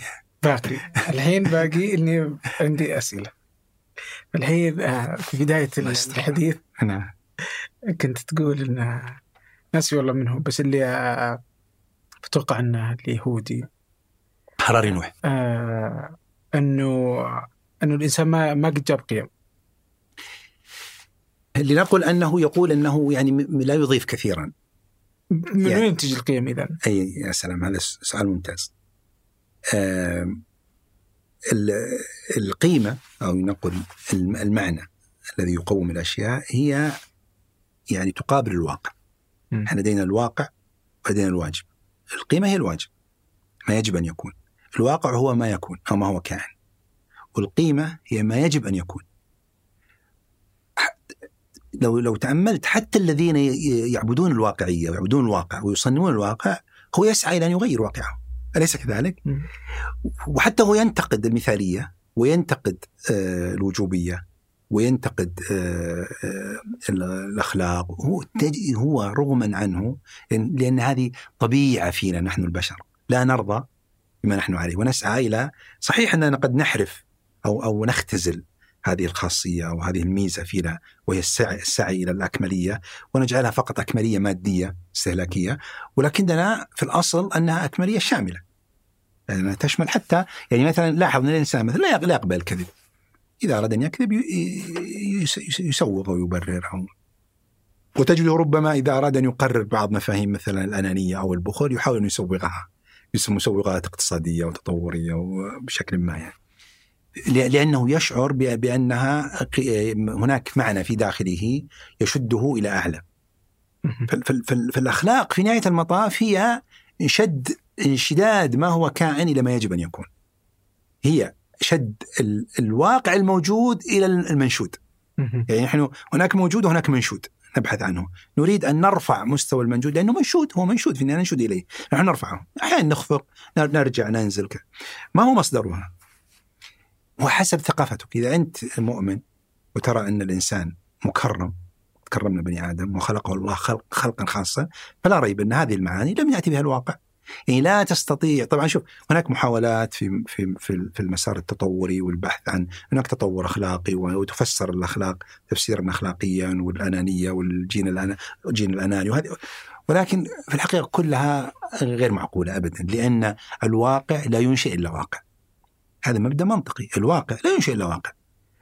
وال وال والواجب هو الذي ينشئ الواجب. ال ال الذي يحدث هناك فصل منطقي، هناك فصل كياني بين الواقع والواجب. ولكن هناك تداخل بينهما يعني بمعنى نحن نضفي الوجوب على الواقع من أجل أن نرفعه نعدله. نضفي المنشود على الموجود من أجل أن نرفعه. وهذا بالمناسبة معنى التقديس. يعني عندما يتحدث الناس أنه آه يعني هناك تقديس ويجعلون هذه الصفة مذمومة أنك أن تستغل الدين في التقديس تقدس. وأن يجب أن ننزع المقدس على المدنس وهنا هذا شيء دنيوي. هي هي القداسة ما هي؟ والمقدس لا يتجلى إلا في الدنيوي. ليس ما يقابل المقدس والمدنس وإنما يقابله الدنيوي. الدنيوي ليس دنسا. بمنظور ليس دنسا. نحن نسعى إلى أن نصبغ. ما هو التقديس المقدس؟ ما هو من أسماء الله الحسنى؟ أنه القدوس. يعني التنزيه. التقديس هو المنزه المطهر. نحن نقدسه يعني ننزهه عن النواقص. ونصبغ عليه الكمالات. وأيضا المقدس بمعنى أننا يعني كأننا ننزه أنفسنا بانتظار هذه المعاني القدسية التي تتنزل على الإنسان هذه المعاني الباطنة. فإذا القيم مصدرها الحقيقي هو آه يعني عالم الملكوت أو عالم الروح. هي من عالم الروح. ولذلك لا تشيخ. عندما قلت لك قبل قليل أن هذه القيم ليست داخل الزمان. كانت داخل الزمان لشاخت مثلها مثل كل المفاهيم الإنسانية و يعني تقدم بها السن وانتهت وماتت خلاياها وأصابها الموت. ولكن هذا الدليل وبشهادة هذا الرجل أن البشرية لا تضيف كثيرا لأنها مش تكتفي بهذا الموجود لا لأنها خارج عالم الزمن. هي في عالم الروح. ما دام إنها عالم من عالم الروح هي من عالم الروح. بس و... نعم. ما تكون القيم تختلف وتكون نسبية من مكان إلى مكان من زمان إلى زمان؟ آه فتلقى الكرم مثلا عند العرب قيمة عالية بينما هو في ثقافات مختلفة قيمة عادية. إيه شوف هو لما نتحدث نحن عن مفهوم القيمة ومفهوم القيمة آه أنا قلت أنه مفهوم حديث. هو انتقل الاصطلاح آه في الفكر الغربي من الحق الاقتصادي. القيمة في الأساس الفاليو مفهوم اقتصادي. انتقل إلى الحق, الحق الأخلاقي. ونحن بالنسبة لنا هذا انتقال جيد لأن نجد مثلا فكرة القومة هذه مثلا أحسن تقويم دينا قيما نجد لها أصل. حاول بعض فلاسفتنا المعاصرين يعني يعطى هذا المعنى أنه القرآن يستخدم هذا المعنى وهو معنى صحيح. وحتى لو لو قلنا أنه معنى حديث لا بأس بهذا جيد ننقله والقدم يستخدمونه كفضيلة ولكن كل الحقول فيها قيمة. أنا قلت لك أنه في الجماليات في قيمتان قيمة القبيح والحسن أو الجميل وفي الاقتصاد في قيمة الربح والخسارة. وفي الأخلاقيات في قيمة الخير والشر. فحتى في المجتمعات يعني يعني وصحيح لما تقول نسبية إحنا عندنا مشكلتان في الأخلاق مشكلة الذاتية ومشكلة النسبية. النسبية هي اختلاف ثقافات أو أقوام والذاتية اختلاف أشخاص. يعني تنسب للذات نفسها. أنا أقول أن الأخلاق ذاتية أو الأخلاق آه نسبية. نعم أنا أعترف أن تجليات الأخلاق تختلف من أمة إلى أمة. ولذلك مثلا نحن نتحدث عن يعني هذا الموضوع لا أستطيع أن أتحدث فيه منفصلا عن عما أؤمن به. لا يعني لا أستطيع. هو مفهوم الأخلاق في الأساس ومفهوم ديني. فأنا أتحدث من منطلق من منطلق يعني الثقافة الراسخة في سياقنا والذي أنا أؤمن بها وأنطلق منها وأعتبرها رؤية العالم فلسفتي التي أنظر فيها الاشياء وقومها من خلال هذه هذه الرؤية الدينية رؤية الوحي. وهي تسليم ولكن المسلمات لا يعني أن لا نستطيع أن نثبتها ونبرهن عليها في مكان آخر لكن الآن نتحدث فيها باعتبارها باعتبارها مسلمة. ف نحن نتحدث عن شيء نسميه الزمن الأخلاقي. يعني ما دام نقول نحن إن إن إن الدين الأخلاقي إن الدين الإسلامي هو الدين الأخير. من من الناحيه التاريخيه الكل يتفق على أن الدين الإسلامي هو من كدين سماوي هو الأخير. ومن الناحيه المنطقيه يعني يتضمن ما قبله فإذا كانت المسيحية تتضمن اليهودية وتزيد عليها فكذلك الإسلام يتضمن المسيحية واليهودية ويزيد عليها ويكون هذا التجلي الأخير للوحي الظهور الأخير للوحي. أنا أفضل كلمة تجلي ليس الظهور وإنما التجلي الأخير للوحي فهو التجلي الأكمل. فهذا يعني أن هناك تجليات أخرى للمعاني الأخلاقية في المجتمعات الكتابية. فضلا عن أن تكون هناك تجليات أخرى لمجتمعات غير كتابية. نحن نتفق مع غير الكتابيين بالفطرة ونتفق مع الكتابيين بشيئين بالفطرة والوحي. ولكن نتميز بأن وحينا هو الوحي الأخير الأكمل الأكمل الذي جاء بالكمال. عادة توصف شريعة موسى بأنها شريعة جلالية يعني فيها قوة في حين أن شريعة عيسى توصف بأنها قوة جمالية يعني فيها هذه الرحمة والرافة و... وهي شريعة محمد عليه الصلاة والسلام الشريعة الأخيرة هي الشريعة التي فيها البعد الكمالي. لما نتحدث عن الفقه نقول له وجهان. وجه قانوني يعتمد على الضبط والقيس والمحاسبة هناك وجه أخلاقي. فيه بعد مسؤولية ذاتية ينظر فيه الإنسان إلى تقويمه الشخصي نفسه ومرؤته تجاه ذاته وأيضا التقويم الأخروي الذي يؤمن به. فهذا التجلي في في ثقافتين نحن نعتبر أنه الأكمل، نحن لا ننكر أن هناك قيم أخرى سواء في خارج المجال الاقتصادي ولا ننكر أن هناك آه، قيم أخلاقية ظلت اقتصادية مثل مثلا الاتجاه الأخلاقي النفعي مثل مثلا مثلا اتجاه النفع الإنجليزي أشهر مدرسة أخلاقية في العالم الحديث هي المدرسة النفعيه تقابل المدرسة الأمرية الفلسفة الأمرية الكانتية والألمانية. المدرسة النفعية تقول أن الأخلاق هي ما ينفع والنفع العام. ولكن نتحدث عن نفع مادي. صحيح إن بعض فلاسفتها مثل ستوارت ميل حاول أن يضيف النفع الاخلاقي القيمة ولكن الاتجاه العام الذي تطور إلى البراغماتية هو آه، هو النفع المادي الكمي المعدودة والمحسوسة وال آه، حتى على مستوى الجماليات آه، تغير مفهوم الجمالي. تعرف إنه البشر الإنسان كائن جمالي يشعر بالجماليات هذه فطرة فيه. وظل البشر يتحدثون عن الجمال فترة طويلة في كل ولكن ما هي الجماليات الحديثة؟ اخترع مصطلح جديد اسمه مصطلح الاستطيقة. اخترعه رجل في تقريبا في 1950 اسمه بوما جارتن ألماني فيلسوف ألماني. يعني تقريبا ربما تكون هذه إضافته الوحيدة إنه توفي مريضا يعني. توفي عمره 48 والف هو يعني على فراش الموت يعني. كانوا اعتبروا هذا أنت, أنت ولكن سبحان الله أصبح يعني هذا المفهوم راسخ وسائد وأصبحت تعرف كلمه استطيقة وهذا الشاهد عندنا أساسها اليوناني هي يونانية يعني الحس. وأنت تتساءل ما ما كيف الحس جمالي يعني؟ الحس شيء آخر. ولكنه أراد أن ينتقد الاتجاه الجمالي الذي كان يعنى بالجماليات المعنوية فقط، الجماليات الشعرية واللغوية والأخلاقية باعتبار أن الأخلاق أفق جمالي وهذا هذا صحيح. فهو كأنه يعني رأى أن هذا الاتجاه اندفع بالأخلاقيات المعنوية وضعف الاتجاه الحسي. فأراد أن يعيد المعنى الاتجاه الحسي وانتشر الاسم، صحيح أنه الفلاسفة الألمان فيما بعد يعني ربما يكون اعترضوا عليه مثلا كانت غير المفهوم إلى ملكة الحكم وهي يعني في قصة أخرى ولكن أقصد ظل هذا المفهوم سائد حتى الآن مفهوم الاستطيقة المفهوم الحسي. فهذا واحد من التحولات التي حدثت من إنه حتى المفهوم الجمالي تحول إلى مفهوم حسي حسي. فكيف المفهوم الأخلاقي الذي تحول مع النفعيين إلى مفهوم كمي آه، فيه البعد نحن نظرا لأن لدينا كتاب ثابت لن يتغير لم يتغير ولن يتغير. نظل مشدودين نحن ثقافتنا يعني يعني نشأت حول هذه هذا البحر هذه البحيرة هذا النهر المتدفق. آه، اللغة الاجتماع السياسة الفقه القانون كلها نشأت حول هذا ال... والميزة أن هذا النهر سيظل متدفقا لن يتوقف لن ينضب يوم من الأيام وبالتالي سيظل حاضرا. فصحيح أني ذكرت مخاوفنا أن البشرية تحولت وكذا صحيح هذه مخاوف حقيقية وسوف تلقي بظلالها علينا ولكن نحن لدينا قدر من الحماية وهذا النهر المتدفق. نقترب منه نبتعد هذه يعني مراحل لكن في نهاية المطاف لدينا شيء لا لا لا, لا يسمح لنا بالنسيان. فكوننا ننتمي إلى هذا النهر ستظل قيمنا محافظة على هذا البعد يعني على هذا البعد اللي نقول أنه البعد التجلي الأخير للأخلاقيات. نعم ال ال ال لما نقول إن الكرم مثلا الكل يتفق على إنه خير.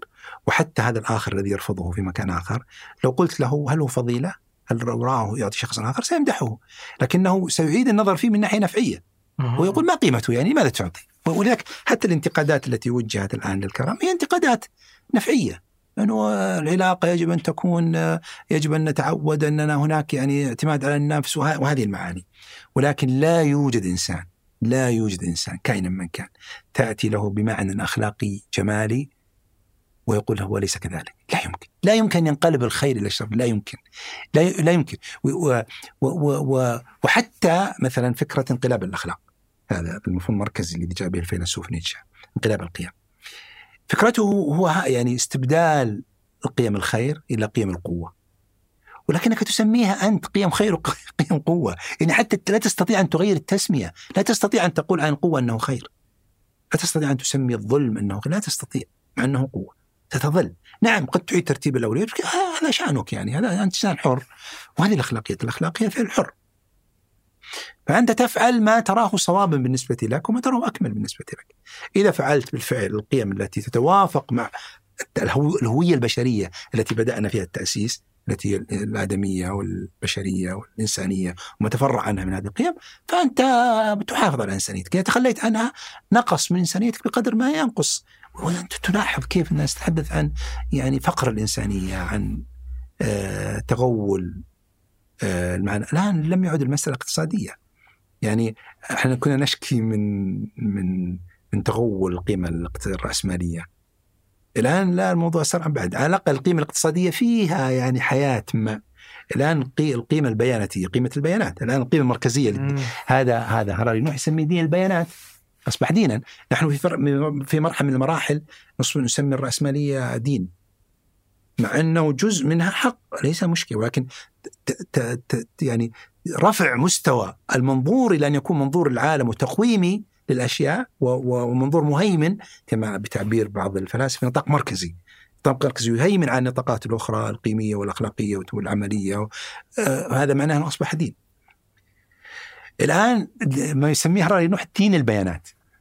أن البيانات أصبحت دينا جديدا لها آه هذا كتابه الأخير الإنسان له طريف جدا. آه طبعا هو دخل نادي الآلهة يعني أصبح هو يعتبر يعني يتعامل مع الإنسان الجديد بأنه إله. هو تعرف فكرته الرئيسية أن نحن نحن الإنسان العاقل انتهت مرحلته نحن نعيش أيامنا الأخيرة. وسوف ندخل مرحلة الإنسان الإله الذي هو الإنسان الذكي الذي هو يختلط فيه التقني بالبيولوجي. نحن مطورون بيولوجيا ليس الريبوت نحن الكائنات الإنسانية. هذا يسمى الإنسان الإله الذي هو الإنسان ما بعد الإنسان العاقل الذي نحن الذي هو نحن. نحن يقول آه، عشنا مئة ألف سنة قتلنا من قبلنا يعتبرنا نحن يعني بكلامه. كلام شخص يعني يعني طريف ومهرقط يعني مجنون يعني لديه أشياء يعني تضحك وممتع وطبعا هو ملحد ويعني يعني عنده مشاكل كثيرة. ولكن من باب الإنصاف يعني آه، فهو يقول نحن قتلنا الإنسان الذي قبلنا الإنسان النايندرتال نحن اللي قتلنا فنحن يقول نحن أبناء القتلة نحن أحفاد القتلة ولكن انتهى وقتنا نحن الوقت انتهى نحن في أيامنا الأخيرة آه، وسيأتي هذا الإنسان الجديد الذي يسميه الإنسان الاله وهو الذي يتحدث عنه نيتشه بالإنسان السوبرمان. إنسان آه، نيتشه يذمنا يذم الإنسان الغربي ويسميه الإنسان الأخير. لماذا يسمي الإنسان أخير؟ يقول لأنه تخلى عن المسيحية أصبح ملحدا ولكن بقيت فيه القيم المسيحية. يقول هذا الإنسان الضعيف الذي فيه القيم المسيحية والذي تخلى عن المسيحية وأصبح بقيت فيه وأننا بصدد الانتقال إلى إنسان ما وراء الخير والشر أو ما وراء الأخلاق في الكتاب هذا. ما وراء الأخلاق يعني قصده أن نصل إلى مرحلة ما لا يفكر الإنسان فيه بقيمة الخير والشر يتخلى عنهما. طبعا هذا مستحيل لا يمكن يتخلى الإنسان عن هاتين القيمتين مهما زعم. لكن هو يقول أن الإنسان السوبرمان سينطلق من قيم قوة، يقول قيم اقتصادية أو لنقل عند نيتشه قيم الحيوية، قيم التدفق والتلذذ والانطلاق والتشبع، هذه المعاني. وهي طبعا قيم حيوانية واضح يعني ليست مذمومة في ذاتها ولكنها هي هي يعني هي يعني تعلوها تعلوها قيم أهم منها توجهها. المعنى الجديد يتحدث عنه هراري نوح والآخرون هؤلاء ما يسمى بنادي الآلهة الجديدة هؤلاء يتحدثون عن هذا الإنسان إله الذي فيه هذه القوة الذي يعني قبل قليل نحن تحدثنا عن فكرة فقدان التسمية، وان هذه أحد مظاهر هذا الحدث الجديد في الانسان الاله الذي يرى نفسه إلها. من مظاهرها العجيبة طبعا مفهوم الخير والشر وكل هذه يعني ملاحظة واضحة التقييمات السائده في العالم. من من من من تجلياتها العجيبة والصادمة هي إعادة النظر في الموت. الفكرة أننا سنتحدى الموت. البشر يوم من الأيام لم يتحدوا الموت، كان التحدي المشهور عند الموت عند القدماء هو ببناء ذكرى، أن تكون بطل من الابطال، عند اليوم مثلا فكرة البطولة وان التاريخ يحفظ سردياتك وذاك عنو بالتاريخ والقصة والأسطورة. وكان دائما الذكر الحسن يعني هو الإنسان عمر ثاني كما يقول الشاعر. الجماعة الآن لا يعني ما عاد هذا يكفي. الحديث الآن على أنه ما هو الموت؟ الموت هو موت الخلايا تمام سنطور هذه الخلايا. سندخل التقنيات الجديدة تطورت الحديث ثم نتحدى ونجعل الخلايا تمتد نرفع مستوى العمر المتوسط عمر الإنسان شيئا فشيئا ونتطلع إلى أن نصل لمرحلة من المراحل لا يموت الإنسان، يقتل نعم يقتل، ممكن تأتي الإشابة وتقتله، هذا لا نستطيع أن نوقفه. لكن ما نتحدث عنه كما كما يقولون يعني آه أننا سنصل لمرحلة نؤخر موت الخلايا وبالتالي يموت الإنسان. شفت كيف كيف التطلع يعني وكأن الموت ليس يعني يقينا لا شك فيه كما يقول الأول. يعني تحقق قول الحسن البصري في مقولته العجيبة الخالدة يقول ما يقين لا شك فيه. أشبه آه، بشك لا يقين فيه من الموت. يعني الانسان القديم يوقن يقين لا شك فيه. ممكن يشك في وجود الإله لكن لا يشك بالموت. محتوم. يعني يقين اسمه اليقين. يصير محتوم. ويتعامل معه وكأنه شك كأنه غير موجود. الآن لا الموضوع ما هو يعني تعامل الآن تحدي حقيقي. نحن سوف نتحدى هذا. نتيجة لهذه الفكرة. في حين لو أن الإنسان حافظ على رتبة قيمه التي توجهه نسميها نحن القبله نسميها قبلة يعني له قبلة. مفهوم القبلة مفهوم في الفقه مفهوم مادي تجاهي له ولكن في المجال الأخلاقي والروحي نستمد منه وأنه هذا مفهوم فطري في داخلنا. نحن لدينا وجهة والذي هو المعنى. هذه المشكلة الكبيرة يتحدث عنها وهي المعنى هي هي القبلة يعني لدينا اتجاه. والقبلة هي هذه المعاني التي راسخة أمامنا نتجه إليها. فالإنسان لديه ميزة أنه ما دام داخل هذا الاتجاه نسميه الصراط الصراط المستقيم. يقول بعض أهل اللغة الصراط يعني إنه يسرط يعني يأكلك يعني يعني يتولى الطريق عنك وانت دخلت فيه خلاص يعني أنت بس شغل الإلكتروني ويذهب بك. فيقول لك إن هذا الاتجاه آه، ميزته ميزة القبلة أنك قد تضعف تنحرف لكنك ترجع. آه، مهما ذهبت ترجع. آه، تنسى تظل مخارج خطأ ولكنك ترجع في النهاية في طريق واضح. لوحات واضحة فطرية ثابتة لك لا تتغير. تقول لك هذا هو الحق هذا هو الخير هذا هو الجمال هذا وهذا هو الشر وهذا هو القبح هذا هو الباطل.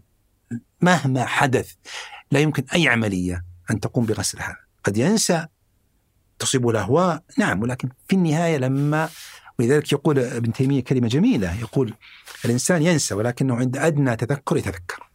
مجرد تقول هذا الرجل الذي قلت قبل قليل أنه يعني في ثقافة أخرى يدافع عن البخل ويسمي بخلا يسميه تدبير أو إمساك عندما يرى شخصا يعطي آخرين لو يرى إنسان يعطي حيوان يشعر بأن هذا شيء جميل تهفو إليه تتحرك عنده حاسة الشوق والسوق أنه يريد أن يفعل أن يفعل أن يفعل مثله.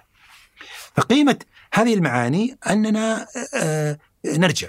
في حين إذا فقد الإنسان هذا الاتجاه إذا أخذ المخرج آه، لا ندري وين يروح. كأنه يعني شخص جديد في الرياض. أخذ مخرج. وتورط يعني. فهذه فكرة القيم. القيم معاني راسخة فينا. وأنا أذكر أنني ضربت مثل عن موضوع القيمة وهو أننا هذه القيم ثابتة فينا. ما الدليل؟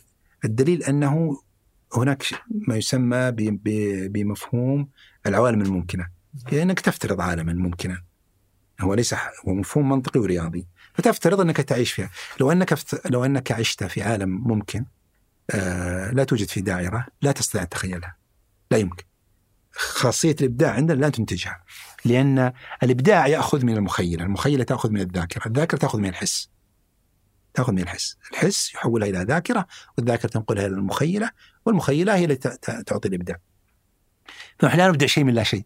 حتى لو أتينا بش- بمخلوق مركب نركبه من أشياء موجودة في عالمنا فذهبت لعالم ممكن ما في دائرة لا يمكن أن تخطر على بالك أو ما في مربع أو ما في أرقام لا يمكن تخطر على بالك ولذلك ولذلك مثلا من من من يعني كتقريب ولا ليس بعض المجتمعات المغلقة القبائل المغلقة التي لديها لغة ستجد أنها لا تعرف بعض المفاهيم خارج اللغة.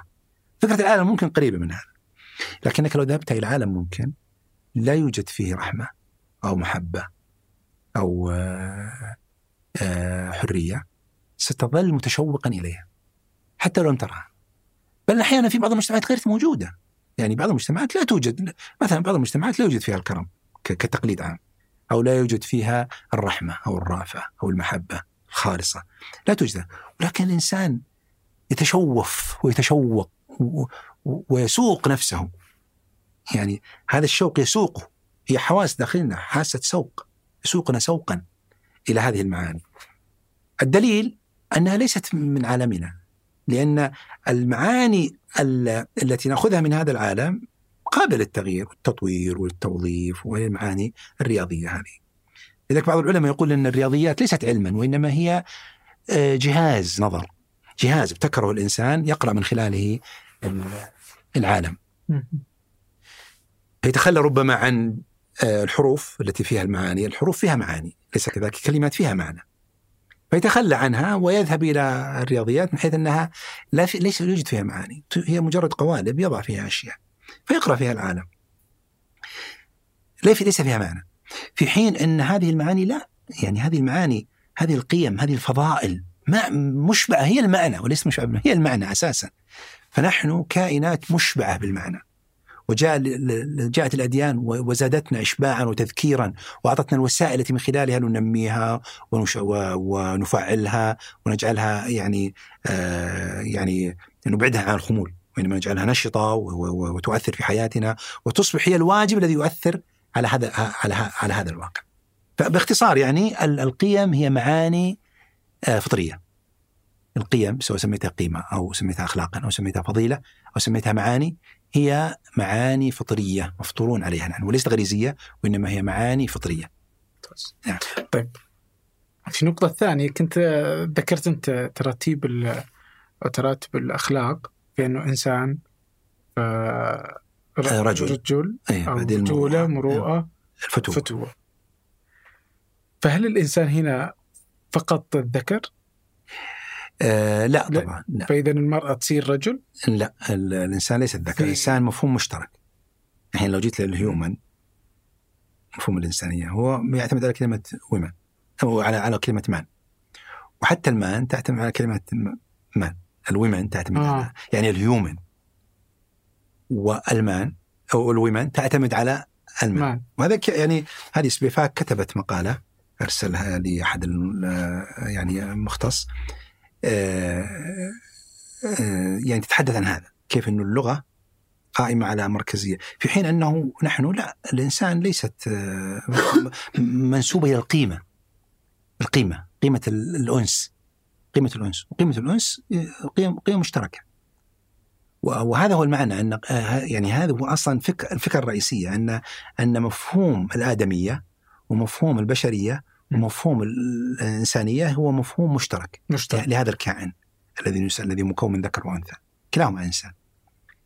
آه ولذلك مثلا حتى في الخطاب الشرعي مثلا انه يخاطب الجميع. لا لا يميز. الخطاب الذي يوجه للجميع. واحيانا يخص ويقول من ذكر أو أنثى. انه خطاب مشترك. لا فرق. وهذه ميزة القيمة. الإحالة على فروق أو تمايزات مادية تفضي إلى عدم المساواة. لا بد أن تفضي إلى عدم المساواة لأنها الواقع ليس متساويا. ما الذي يدفع الواقع إلى أن يتساوى؟ هي هو القيم المتساوية. أن من حقق هذه القيم يتساوون. في حين الواقع نراها غير متساوي وهذه الحركة حركة الوكزم هذه التي تحاول أنه تقول لا نحن متساوون. ولكن الآخرون يقولون لسنا خصوصا علماء البيولوجي والعلماء الجينات يرفضون. إنها ليست متساوية. يرون أن هناك واقع ليس متساويا. لا نستطيع أن نفرض فرضا. العلم هو السيد. يقولون هكذا. العلم هو السيد. نحن نقول ليس العلم هو السيد. لأن العلم هو ينتمي إلى عالم الذكاء عالم العقلانية والعقل. نحن نقول السيد هي القيم. التي تسود والتي يجب أن تحكم هي القيم. التي فيها العدل والرحمة والمحبة والإحسان. ولا أحد وهذه المشكلة لا أحد نظريا يقول غير صحيح، نعم نحن نحتاج هذه المعاني، عمليا لا يتجهون إليها. لأن الإنسان لا يرغب بأن يساويه الآخرون، يريد أن يتمايز عنهم. نعم تتمايز بقرارك بإرادتك وليس بشيء رغما عنك. العناصر الحيوية ليست بيدك أليس كذلك؟ صحيح. العناصر البيولوجية ليست بيدك ولكن المساواة التي تتفرع عن حريتك وإرادتك هو هذا هو القرارات التي تتخذها أنت في الجانب الأخلاقي بشكل أساسي وأيضا في جوانب أخرى مثل الجوانب الإبداعية والجوانب الإنتاجية والجوانب كلها ترجع إلى الجوانب النفعية.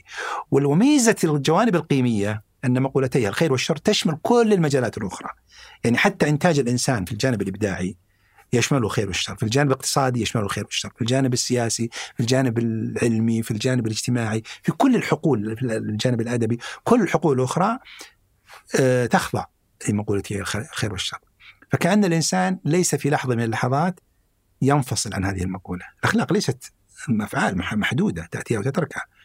الأخلاق هي هذا المعنى الشامل الذي يحقق مقولة الخير للإنسان يحقق في مقولة الخير أو ويبعده عن مقولة مقولة, مقولة الشر. فإذا المقولة مقولة الإنسانية نعم مقولة مشتركة. فإذا آه، الرجل إذا اكتسب أخلاق معينة اصبح رجل بالضبط بالضبط, بالضبط. وال... إضافة إلى هذا الانثى إذا اكتسبت أخلاق معينة أصبحت رجلا. أصبحت مرأة.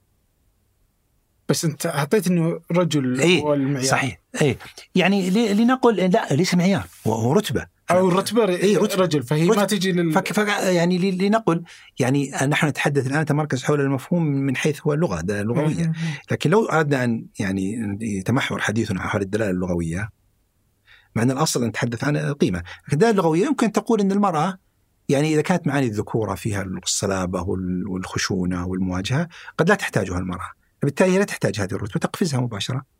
أو أن كمالها أي يعني كما قلت لك هي ليست مراحل.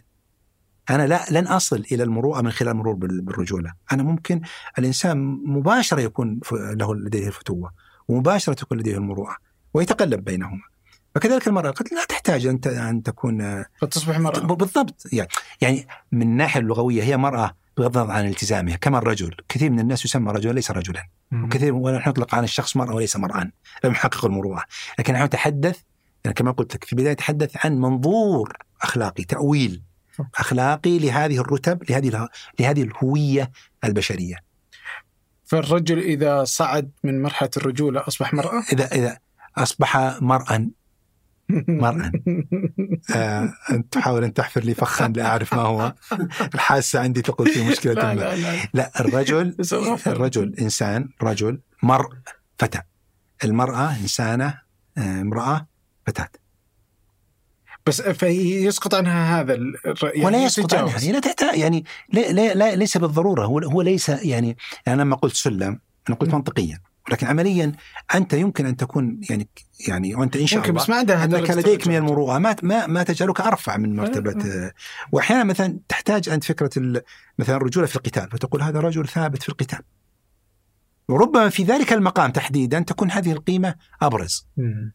قد تكون أبرز. ولكنه في نفس الوقت لا تعني أنه يتخلى عن عن ولذلك لاحظ قد يكون الرجل شيخ كبير وهو فتى. يعني نحن ابتعدنا عن المعنى البيولوجي الذي قلنا فيه أو الحيوي الذي قلنا فيه ان إن الفتى من بعد الطفولة إلى فترة الكهولة فترة الأربعين. يعني يمكن الإنسان أن يظل محافظا على آه، فتوته وهو بسن أعلى. في في في معنى طريف يعني آه، لا بأس بالاشاره إليه ليس رصيقا ولكن آه، الفتى هو قلنا هو هو هذا اللين. الفتى هو الغض اللين الذي لم يخشوشن بعد. وبالتالي فالقيم نفس الشيء غضة دائما. كما قلت لك قبل قليل غضة لا تنفصل لأنها عالم الروح. يقولون أن المطر آه، ميزته هكذا أنه يأتي غض يعني جديد فبالتالي في هذه البركة. ويقولون الطفل سمي طفلا ليس كما يشاع أنه من أنه من الطفيلي يعني وإنما من من المطر. المطر يسمى طفل. فكأن الطفل هو مطر جديد يعني معنى جديد. بل قرأت لبعض الفقهاء معنى طريف في الصيام يقولون إنه يستحب أن تأكل رطبا وليس وليس تمرا. هذا الرطب يعني رطب جديد يعني. فيقولون لماذا؟ قالوا لأنه ج... لأنه جديد. يعني كأنه ما زال يعني من عالم الروح يعني يعني صحيح أن هذه معاني بعيد ولكن هناك شفافية معينة في الحقل الأخلاقي إذا دخلته. رأيت أشياء لا تراها فيه تبصر أشياء ما لا تبصرها في مكان ت- تنكشف لك عين القلب وليس عين الرأس. تنكشف لك عين القلب. وترى معاني شف يعني ش- شفافة وج- و- و- و- وعلى مستوى من الجماليات العليا. يتحدثون عن الت... عن هذه التمر بأنها جديدة يعني رطبة غضة من عالم الروح. لم لم يخترقها الزمن ولم تخشوشن ولم تشيخ وكذا وكذا يعني. فيمكن أن يقع على الفتى نفس هذا المعنى أن هذا الفتى الغض يتناسب مع هذه القيم الغضة خارج الزمن ولاحظ أن أورثت هذا الفتى استمرار فتوته حتى لو أن الزمن أفضى به إلى الكهولة والشيخوخة ما دام محافظا على هذه المعاني ظل فتى. يعني لاحظت هذا هذا هذا المعنى الجمالي الرفيع ونحن ونحن نعرف أن أفق الأخلاقيات في نهاية المطاف يفضي على أفق أرفع منه وهو أفق الجماليات. الجماليات بمعناها القديم الجماليات العليا التي يعني آه، تجعل الإنسان كائنا جماليا من كل النواحي. لاحظ ان إن فكرة التطهر التي أشرنا إليها سواء في التقديس في فكرة في مفهوم القداسة أو في مفهوم آه، الط- الطهارة أو النزاهة هو معنى حسي يدخل فيه المعنى الحسي والمعنى الباطن. فالتطهر في في الظاهر له أثر على على الباطن. وهذه الميزة في في الجماليات في تراثنا أنها لا تنفصل. أنا قلت لك إن هؤلاء الجماعة أظهروا مفهوم الاستطيقه بسبب هذا الانفصال. بين البعد المعنوي الجمالي وال- والجماليات الحسية. في حين نحن آه، متصل لا نفصل بينهما. بل لدينا مفهوما طريفا وهو أن الحس بالنسبة إلينا ليس حسا ظاهرا فقط بل حس ظاهر وباطن. فهنا نعتبر الحس الباطن كالحس الظاهر لأن الإنسان يجد هذه المعاني في داخله يحس فيها يحس في إنكاره الكذب ومحبته للصدق كما يحس بهذه الأشياء التي أمامه. نفس الحس واحد. هذا حس باطن وهذا حس آه، في الظاهر. فقيمته واحدة. حتى أنها يعني بعض المعاصرين جعله دليلا. يعني آه، بلانتينجا هذا الفيلسوف الأديان يستخدم هذا بدليل دليل في البحث الإلهي. في حين نحن نستخدمه منذ مدة طويلة. نعتبر أن الحس مصدر من مصادر المعرفة الظاهر والباطن. هناك معرفة باطنة من خلال من خلال هذا المصدر آه، الحسي. فأنت في تعريفك للرجل آه، وضعته درجة من درجات ال- الإنسانية. الهوية الإنسانية نعم. آه، الأصفهاني يقول إن الرجل آه، مختص بالذكر من الناس إيه. ومثلا تلقى في الحديث آه، لعن الله المترجلات من النساء إيه. كيف نقدر نربط ما بين الثنتين؟ لا ما ما يوجد يعني تعرف إنه في يعني في العربية السياقات مم. آه يعني معنى أساسي يعني نحن نتحدث عن آه المعنى الذي يفيده السياق وال- وال- والمتحدث و يعني هناك السياق اللغوي نفسه وهناك السياق ال- التداولي يعني الشخص نفسه الق- ال- مثلا السياق القرآني المتحدث هو الله سبحانه وتعالى نعرف حديثه دلالاته فلما يتحدث شخص مثلا شاعر جاهلي له سياق معين فالأصفهاني طبعا هم من الفلاسفة الأخلاقيين يعني الذين لهم عناية كبيرة في الأخلاق في كتاب الذريعة في عموم كتبه يعني. وهو لما لما يتحدث عن الرجولة بهذا المعنى ربما نظر إلى المعنى ال- ال- اللغوي المستعمل يعني. بأن يعني وبالفعل نحن نقول إن إن المرأة لا توصف بهذا المعنى معنى الرجولي إلا في بعض اللغات. لذلك نقول لك إن المرأة ال- الاسم الذي استقر لها عالما هو المرأة نسبتها إلى إيه، تحدثنا عن الناحية الأخلاقية. أنا أود أن نتذكر دائما نحن نتحدث ضمن منظور أخلاقي. قد يستغرب أحيانا الشخص يقول يعني كيف؟ آه، نحن آه، اتفقنا في البداية أن الإطار الذي ننظر فيه ونتحدث فيه ونحلل ونفلسف هذه المعاني هو المنظور آه، الأداة أو العده الأخلاقية، أصبحت الأخلاق أداة تحليل بالنسبة لنا هنا. فنقول إن إن ال- ال- ال- المرأة نعم لا توصف بأنها رجلا لأنها ستاخذ معاني ضد آه، ما يميزها، فمعاني الخشونة والقتل وال- والبطش والقوة وال... هذه معاني توارثت البشرية وحتى بيولوجيا يدل على هذا الأمر لا مكابرة فيها. ولا ولا حاجة للمرأة بأن بالعكس أن ان أن, تتجه المرأة إلى هذا الأمر كأنها تشعر بنقص آه، في في حين أنها هي في رتبة إذا تحدثنا عن الدلالات الاخلاقيه هي رتبة أيضا آه، رفيعة آه، ليس فيها.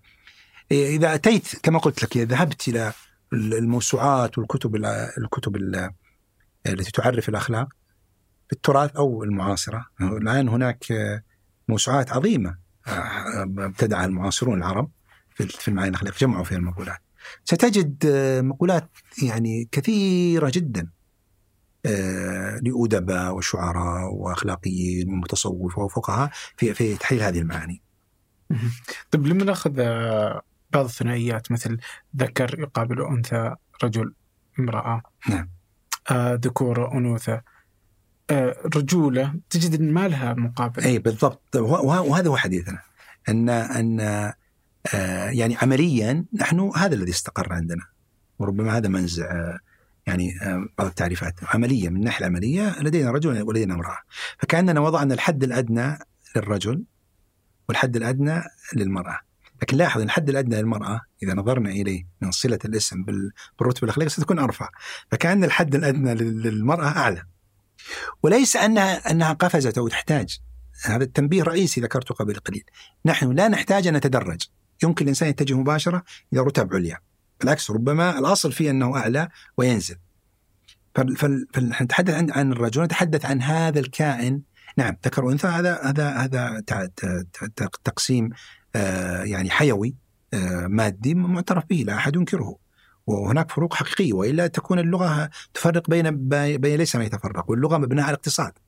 يعني هي تفرق بين ما الفرق الحقيقي. لا تطلق على متشابهين مصطلحين.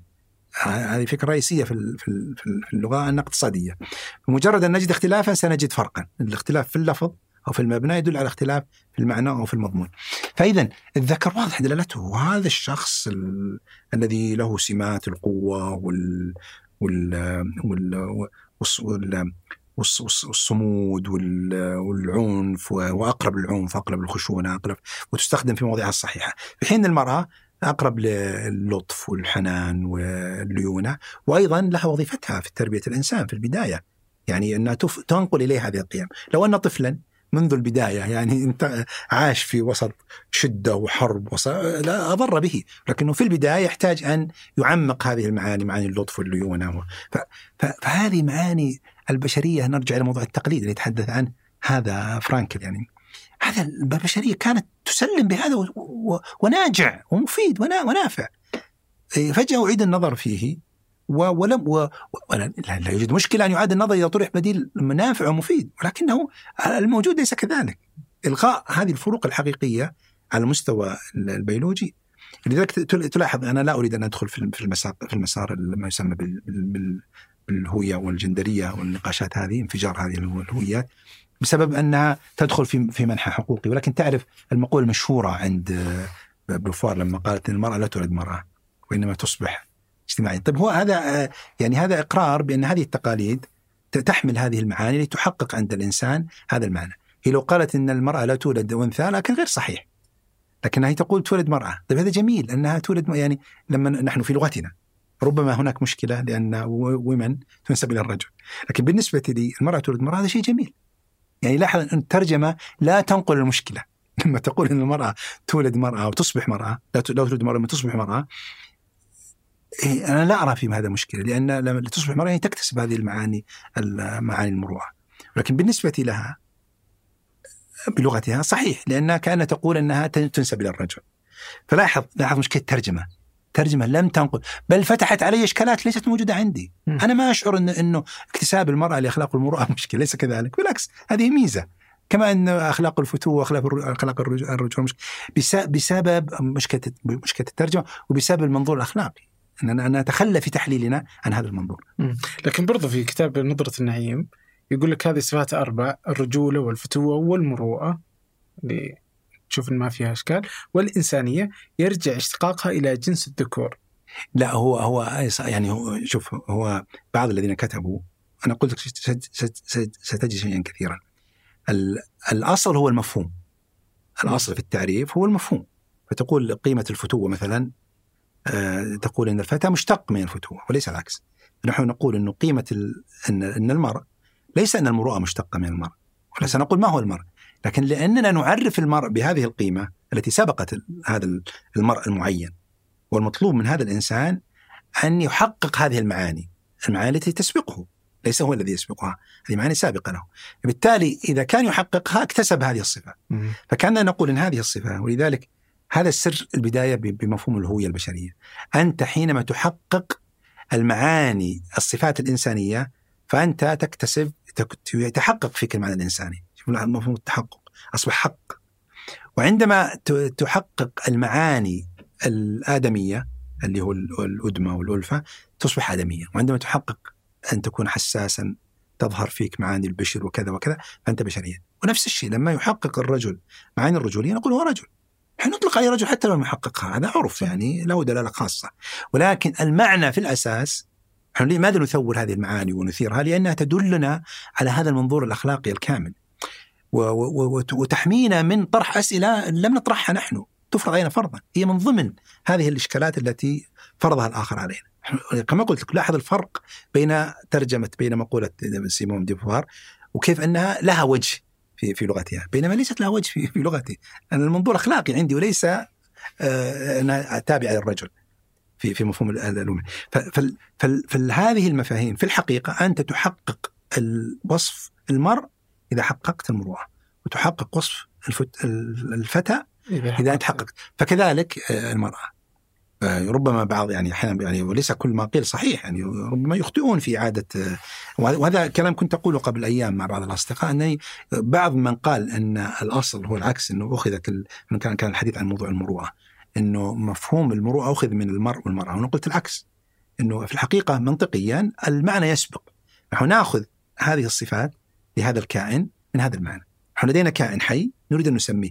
ماذا نسميه؟ هل نسميه من منطلق بيولوجي ولا نسميه من منطلق اقتصادي إنسان أنا الكهل هل هو كائن اقتصادي فنسميه رابح وخاسر ويعني تاجر وكذا وكذا وكذا أو من منطلق آه، جمالي أو من منطلق آه، ما هو المنطلق؟ سياسي ما هو ما نسميه. مثلا في الم- في المنظور السياسي نسميه مواطن أو كذا أو كذا. في المنظور الأخلاقي عندنا هذه التسمية.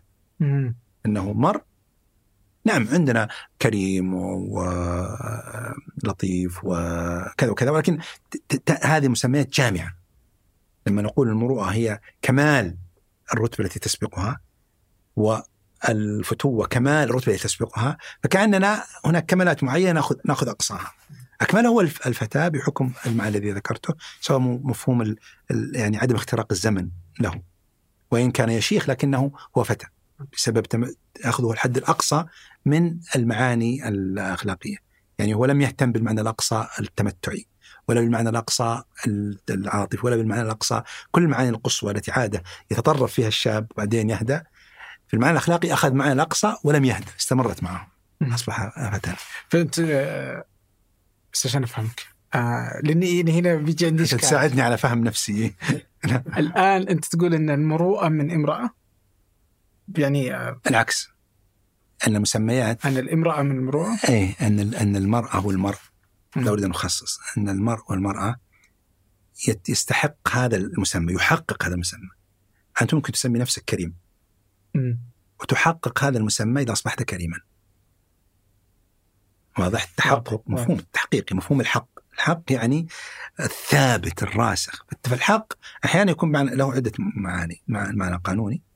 والحق بمعنى ضد الباطل يعني إنه هناك المعنى الكياني أو الوجودي أو الأنطولوجي كما يقول يعني أن تحق يعني حق فالواقع حق أنت أمامي حق الآن يعني لست خيالا ولست وأنا ما أقول باطل لا أنت حق بمعنى وجودك حق فأنت تحقق من معاني آه، تحقق وصف الكرم إذا أصبحت كريما وتحقق وصف الشجاعة إذا أصبحت شجاعا والبطولة. وتحقق وصف المرء إذا أصبحت صاحب صاحب ذو مروءه مم. لديك مروءه المرء والمرأة يحققون هذا المعنى.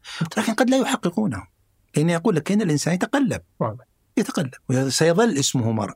سيظل اسمه امرأة. سيظل اسمه فتى وفتاة. وغالبا سيطلقه الناس بسبب يعني على الفتاة الفتى والفتاة على الشباب. ولكن لما لما بسبب طبعا يعني الناس ربما يتناولون مفهوم المرء بقلة. اغلب أغلب الاستعمال هو المرأة والرجل. وعلى فكرة يعني لاحظ الاستعمال السائد يعني لصالح إنه هذه رتبة أعلى. لكن لو أن هذه الثقافة التحليلية لو لو, لو أن الأخلاق ظلت حاضرة كأداة من ادوات التحليل نستخدمها دائما في تحليلاتنا. لاحظ كيف نحن نحلل دائما.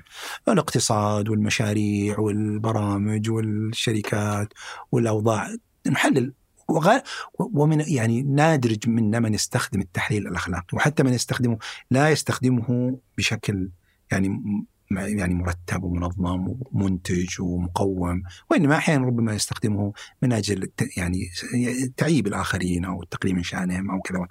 ولكن لما نستخدم لما يشيع بيننا استخدام البعد الأخلاقي ونعود إلى هويتنا حقيقية ونتحفظ على الأدوات المنقولة تحليل الأشياء ستجد أنها تختلف الأشياء.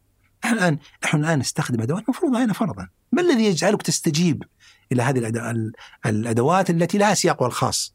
أنا لا أتحدث الآن عن كونها خطأ أو صواب في سياقها، لا سياقها الخاص، على الأقل سياقها الخاص يفسر ظهورها بغض النظر يفسر ظهورها. لكن بالنسبة لي لا يفسر وجودها ولا تنفعني ولا تنتج لدي شيئا. لدي معايير تجيب عن هذه الأسئلة. وأنا ما عندي مشكلة إنه هذه المعايير المنقولة أستفيد منها شريطة أن أستخدم تجاهها معاييري الخاصة التي معايير الأخلاقية. ما دام ان هويتي الوجودية التي هي هوية الإنسانية نقول إن الإنسان في الأساس الهوية هي وجوده. وماهيته هي صفاته فهويته الصفاتية هذه هي التي يجب عليه أن, أن, أن يحمي بها وجوده فيجعلها معيار مصدة أدوات فرز يختبر فيها الأشياء التي يقبلها والتي يرفضها، أليس لديك جهاز صحي يجعلك تقبل الاشياء التي تضر لا تنفعك وترفض الاشياء التي تضرك من أجل وجودك البيولوجي تماما وتعمل به والعاقل من يحافظ عليه، وكذلك معاييرك الاقتصادية في الربح والخسارة. كذلك هناك معاييرك الخاصة في وجودك الإنساني في هويتك الإنسانية. لديك معاييرك التي تحمي لديك هذا الوجود وتنميه وتجعله يزدهر ويتفتح وينمو وينتج. أو أن لديك يعني أن يعني تتجاهل هذا هذا المعيار تماما وتفتح لمعايير أخرى تفضي بك إلى تغيير هويتك هويتك الإنسانية وما ما يتفرع عنها. ممتاز. الآن لما نقول مكتفي والله. إيه، إذا تسمح لي. بدأت انشب انت يعني تركتني أندفع حتى نشفت ثم بدأت جولتك الخاصة. نعم. طيب. الحين لما تقول آه، خليك رجال أو كن رجلا على طول حاضر في ذهني آه، صفات كثيرة لعلها أغلبها صفات ذكورية. القوة الشجاعة الاقدام آه، المغامرة. ليست صفات ذكورية ولكن لنقل أنها الصفات الأخلاقية التي تناسب الذكر. هي ليست صفة ذكورية. هي هي هناك فصل. الذكورة هو وصف آه، حيوي يعني بيولوجي. ولكن هذه أخلاقيات مثلا مثلا القتال النجدة الفزعة هذه المعاني بالسياقات الاجتماعية على الأقل يتحدث بالسياقات الاجتماعية القديمة كان الذي يظهر في المجال العام هو الرجل. الذي مهيأ لأن يقوم بهذا هو الرجل. ولا تعاب المرأة. يعني لا تعاب المرأة أنها تقوم بهذا لأنه ليس مجالها ليست هي حاضرة لها سياق خاص وكذا. أنا لا أعرف مستقبلا يتغير السياقات الاجتماعية كيف تكون الأوضاع أنا أتحدث عن الوضع الذي نشأت فيه اللغة ونشأ فيها التقاليد السابقة وأعتقد أن هذه أشياء لن تتغير كثيرا ربما الله أعلم يعني. يعني دعني أتحدث عن هذا المعنى القائم. فسابقا وصف وصف الرجولة كان المعاني الأخلاقية المرتبطة به مرتبطة بهذا الرجل الذي يظهر بهذا الكائن الذكر الذي يظهر في المجال العام. هو الأقرب لأن يحققها. لكن في مجالات أخرى المرأة تحققها في مجالها. الذي الذي معاني المروءه ومعاني المعاني الأخلاقية الأخرى كلها متاحة لها تحققها. بس ليش مثلا لما تروح للمرأة يعني لو أقول كوني امرأة ما ي... يعني ما هو حاضر إذا ناخذها بالشكل إيه. التداولي. وبالضبط فما هو بحاضر إيه. إنه كوني كريمة يعني هذه الصفات الخلقيه إيه. العليا. ما يجي. صحيح وتقدر تاخذ إذا أنت تبغى صفات اللي ترتبط بالأنثى فتقول خليك انثويه أي ممتاز. فتشوف ان ننزع منه. فهل الأنثى ما عندها صفات أخلاقية عالية نقدر يعني لنقل أن مثلا معاني آه، معاني الحنان معاني اللطف ومعاني آه، العناية ويسمى يسمى بأخلاق الأمومة الرعاية أخلاق الرعاية. تعرف هذا فرع أخلاقي الآن؟ آه، تعرف إنه بعض الفلاسفة أخلاق الأمومة رجال. يعني لأنهم يرون إنه هذه المعاني الأخلاقية الجديدة التي يطرحونها أخلاق العناية والرعاية والأمومة وكذا أنها البشرية بحاجة إليها بسبب اندفاع البشرية باتجاه بعيد عن الاتجاه العلمي الذي هو يعني اتجاه قاسي بل إن مثلا هناك مثلا هناك اتجاه في الأخلاق مبحث أيضا مبحث جديد في الأخلاقية هو هو ليس خلق جديد ولكن قصدي كبحث فلسفي نظري جديد هو أخلاق الثقة. أخلاق الثقة. فهذه الفيلسوفة النيوزيلندية التي بحثت مفهوم أخلاق الثقة تقول أنها اجترحت هذا المفهوم، هي تدعي أنها هي التي اجترحت هذا المفهوم الجديد. وتحاول أن تقول لماذا هذا المبحث جديد؟ يعني أين الفلسفة الأخلاقية السابقة عنه؟ لاحظ هذه الأسباب اللي تقولها طريفة جدا، طبعا هي هي نسوية يعني المرأة هذه الفيلسوفة. فتقول إن إن الفلاسفة القدماء تجنبوا مفهوم الثقة وركزوا على مفهوم العقل كان تجعل هناك تقابل بينهما. لماذا وضعت هذا التقابل؟ هي تقول إن مفهوم الثقة أقرب للإيمان.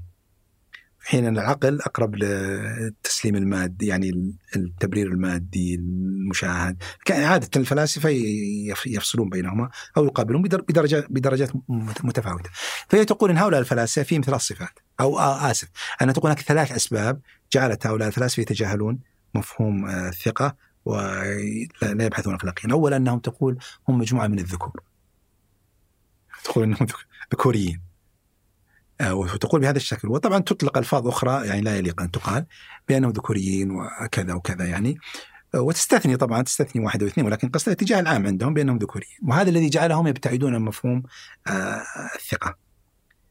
طبعا إذا انطبق هذا على الفلاسفة الغربيين لا ينطبق على المسلمين مفهوم الثقة مركز جدا المنظور الاخلاقي عندنا. هذا موضوع آخر نتحدث عنها في سياقها. والسبب الثاني تقول إن مفهوم المفهوم الثقة مفهوم يعني هو يقع في منطقة بين الإيمان والعقل. وفقا لتحليلها. يقع بين الإيمان والعقل. فبالتالي هو أكمل لأنه في عناصر يعني تبريرية عقلانية وفي عناصر يعني الثقة غالبا مبررة. وفي عناصر تسليمية تقوم على الثقة. فتقول بينما هؤلاء الفلاسفة يمركزون العقل. لا يبتعدون عنه. السبب الثالث طريف جدا. فتقول أنه هم يعني إذا كان ما سبق عن وعي فتقول هذا السبب الثالث ليس عن وعي. السبب الثالث أن الثقة لصيقة فينا جدا جدا جدا لدرجة أنها مختفية. أنها لا ترى. أنها لا ترى. وهذا وهذا حق. يعني ها صفة الثقة من الصفات التي يسكت الناس عنها لأنها لأنها مسلمة قصوى. ولذلك لو طرحت سؤال عن الناس هل الأصل في علاقتك بالآخرين الثقة والشك؟ يعني يختلفون. ستجد ناس يقول الثقة وناس يقولون الشك وكثير من الناس يقول الشك وخصوصا في بعض المجتمعات. وسيبرر ويأتي بقول الشاعر فلان وعلان وإن الناس لا يثق فيهم والذئب أخو آه والإنسان الذئب أخوه الإنسان كلمة هوبز وهكذا يعني. وأن العقد الاجتماعي سببه عدم التواثق وكان البشر في حالة آه حالة ما قبل آه يعني حالة طبيعية وانتقلوا للعقد الاجتماعي. كلام لا ينتهي. يفترض ضمنيا أنهم ليسوا ثقات عمليا نحن لا نستطيع أن نعيش لحظة بدون الثقة. على نجتمع في مكان واحد. نثق بعضنا في بعض. لا نخاف أن هناك مؤامرة. نشرب الماء. لا نشعر أن في مشكلة والشاي ربما فقط مشكلة في الطعم أو في الجودة. لكن لا توجد أي مشاكل في الثقة. أنا ما عندي شك في الجودة. تدخل المطاعم. نعم نعم لا شك في الجودة. تدخل في المطاعم وتأكل مسلما. مطاعم بعيدة في أقصى الدنيا. في أقصى الدنيا. ما أماكن. وتأتي في بلد بعيد تقف عند الإشارة تسأل شخص عن مكان يخبرك وتذهب. لا تناقشه. نعم قد تأتي. وهذا يدلك شوف على مركزية أن الإنسان كائن أخلاقي. هذا يدل على هذا الشيء؟ عميق في درجة ما لا نبصره. لا نبصره. تخرج من بيتك وأنت واثق والأمور تمام. عندك عاملة تثق فيها سائق تثق فيه أبنائك. تنام مع شخص في البر يعني أشياء أحيانا في عوامل أكيد تحتاج إلى حذر وحزم في وقتها. الأصل هو هذا.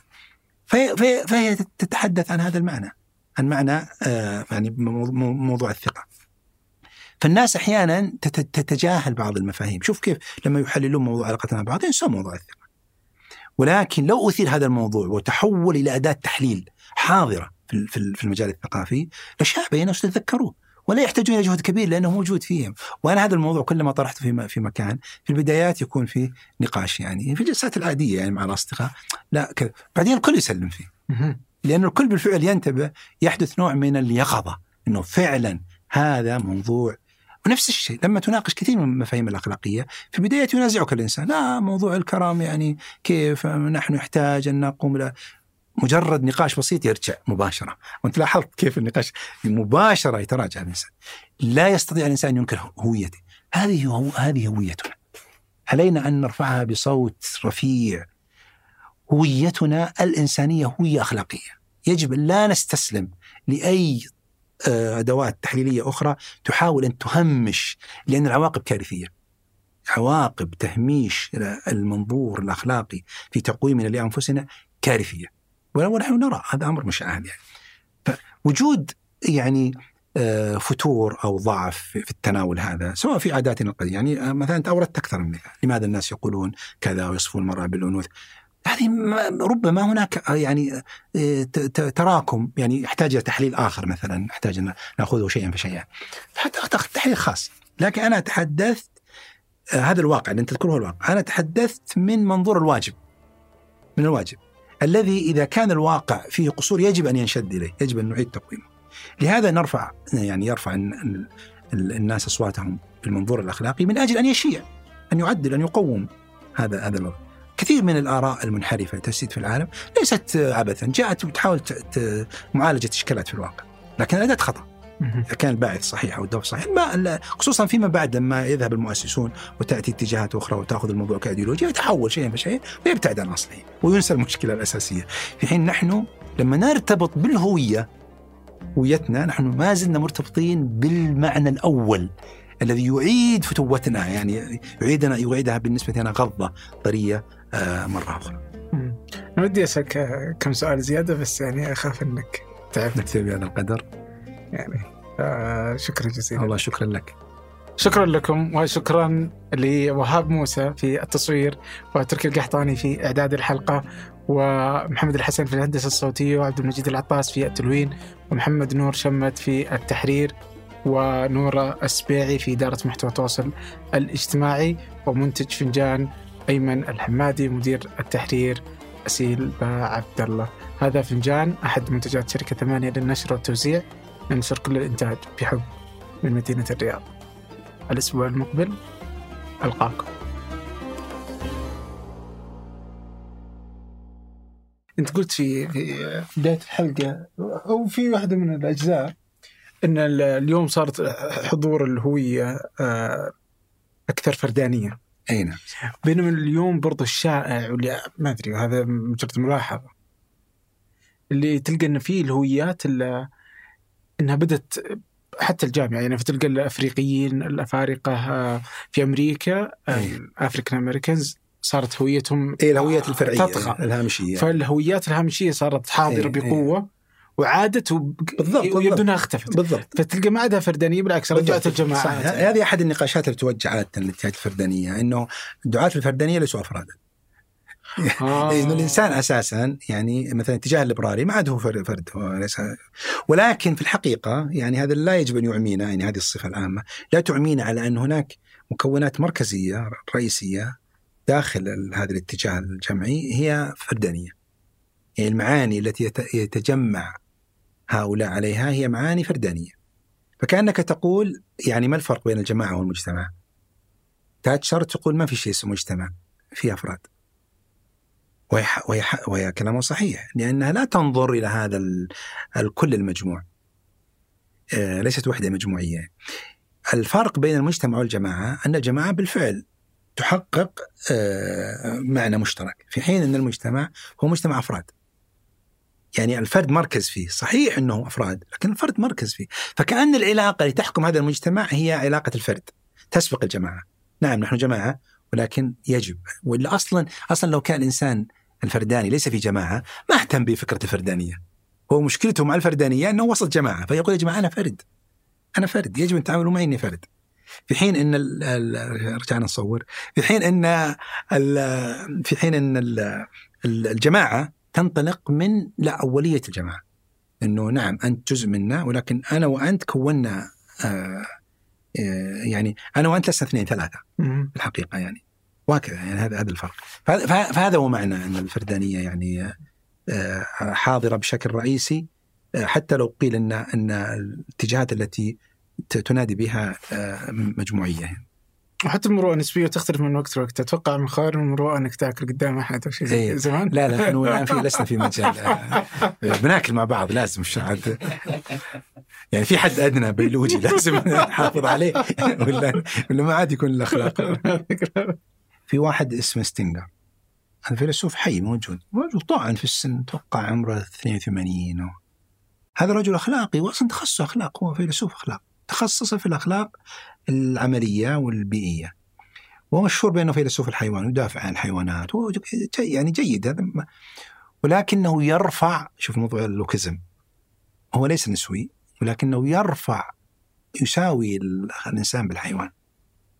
لدرجه مثلا إنه يقدم مثلا بعض الحيوانات مثلا على على الرجل المريض العجوز يقول هذا ما عاد له كفاءة نفعية مم. إنه يدخل هو المعايير النفعية فخلاص يجوز قتله أو التخلص منه ويقدم عليه مثلا الحيوان المفيد منه. مثلا هو يرى قتل الطفل الذي يولد آه، مريضا. يعني يعني يصل ويقول والغريب إن هذا على مكانته الكبرى وفيلسوف فيلسوف حقيقة يحقق وصف الف- الفيلسوف التقني يتعامل معه الأساتذة أو الطلاب في الجامعات انه شرير. شرير. تخيل. وظل فترة طويلة لا يستقبل الجامعات وما تعين في جامعة بيركلي إلا مؤخرا. يمكن قبل عشر سنوات يعني بعد السبعين. طول عمره يرفض يذهب لفرنسا وتخيل بريطانيا يجد اللافتات أمامه ويرمى بالبيض ولا يستقبل وتحتج الطلبه على الجامعات ما يوظفونه بسبب مقولاته البشعة هذه ويدافع عنها.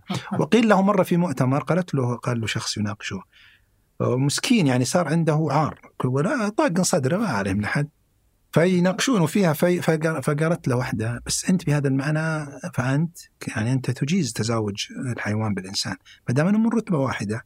وما أنكرها. ما أنكر صحيح ما كتبها بس ما أنكرها.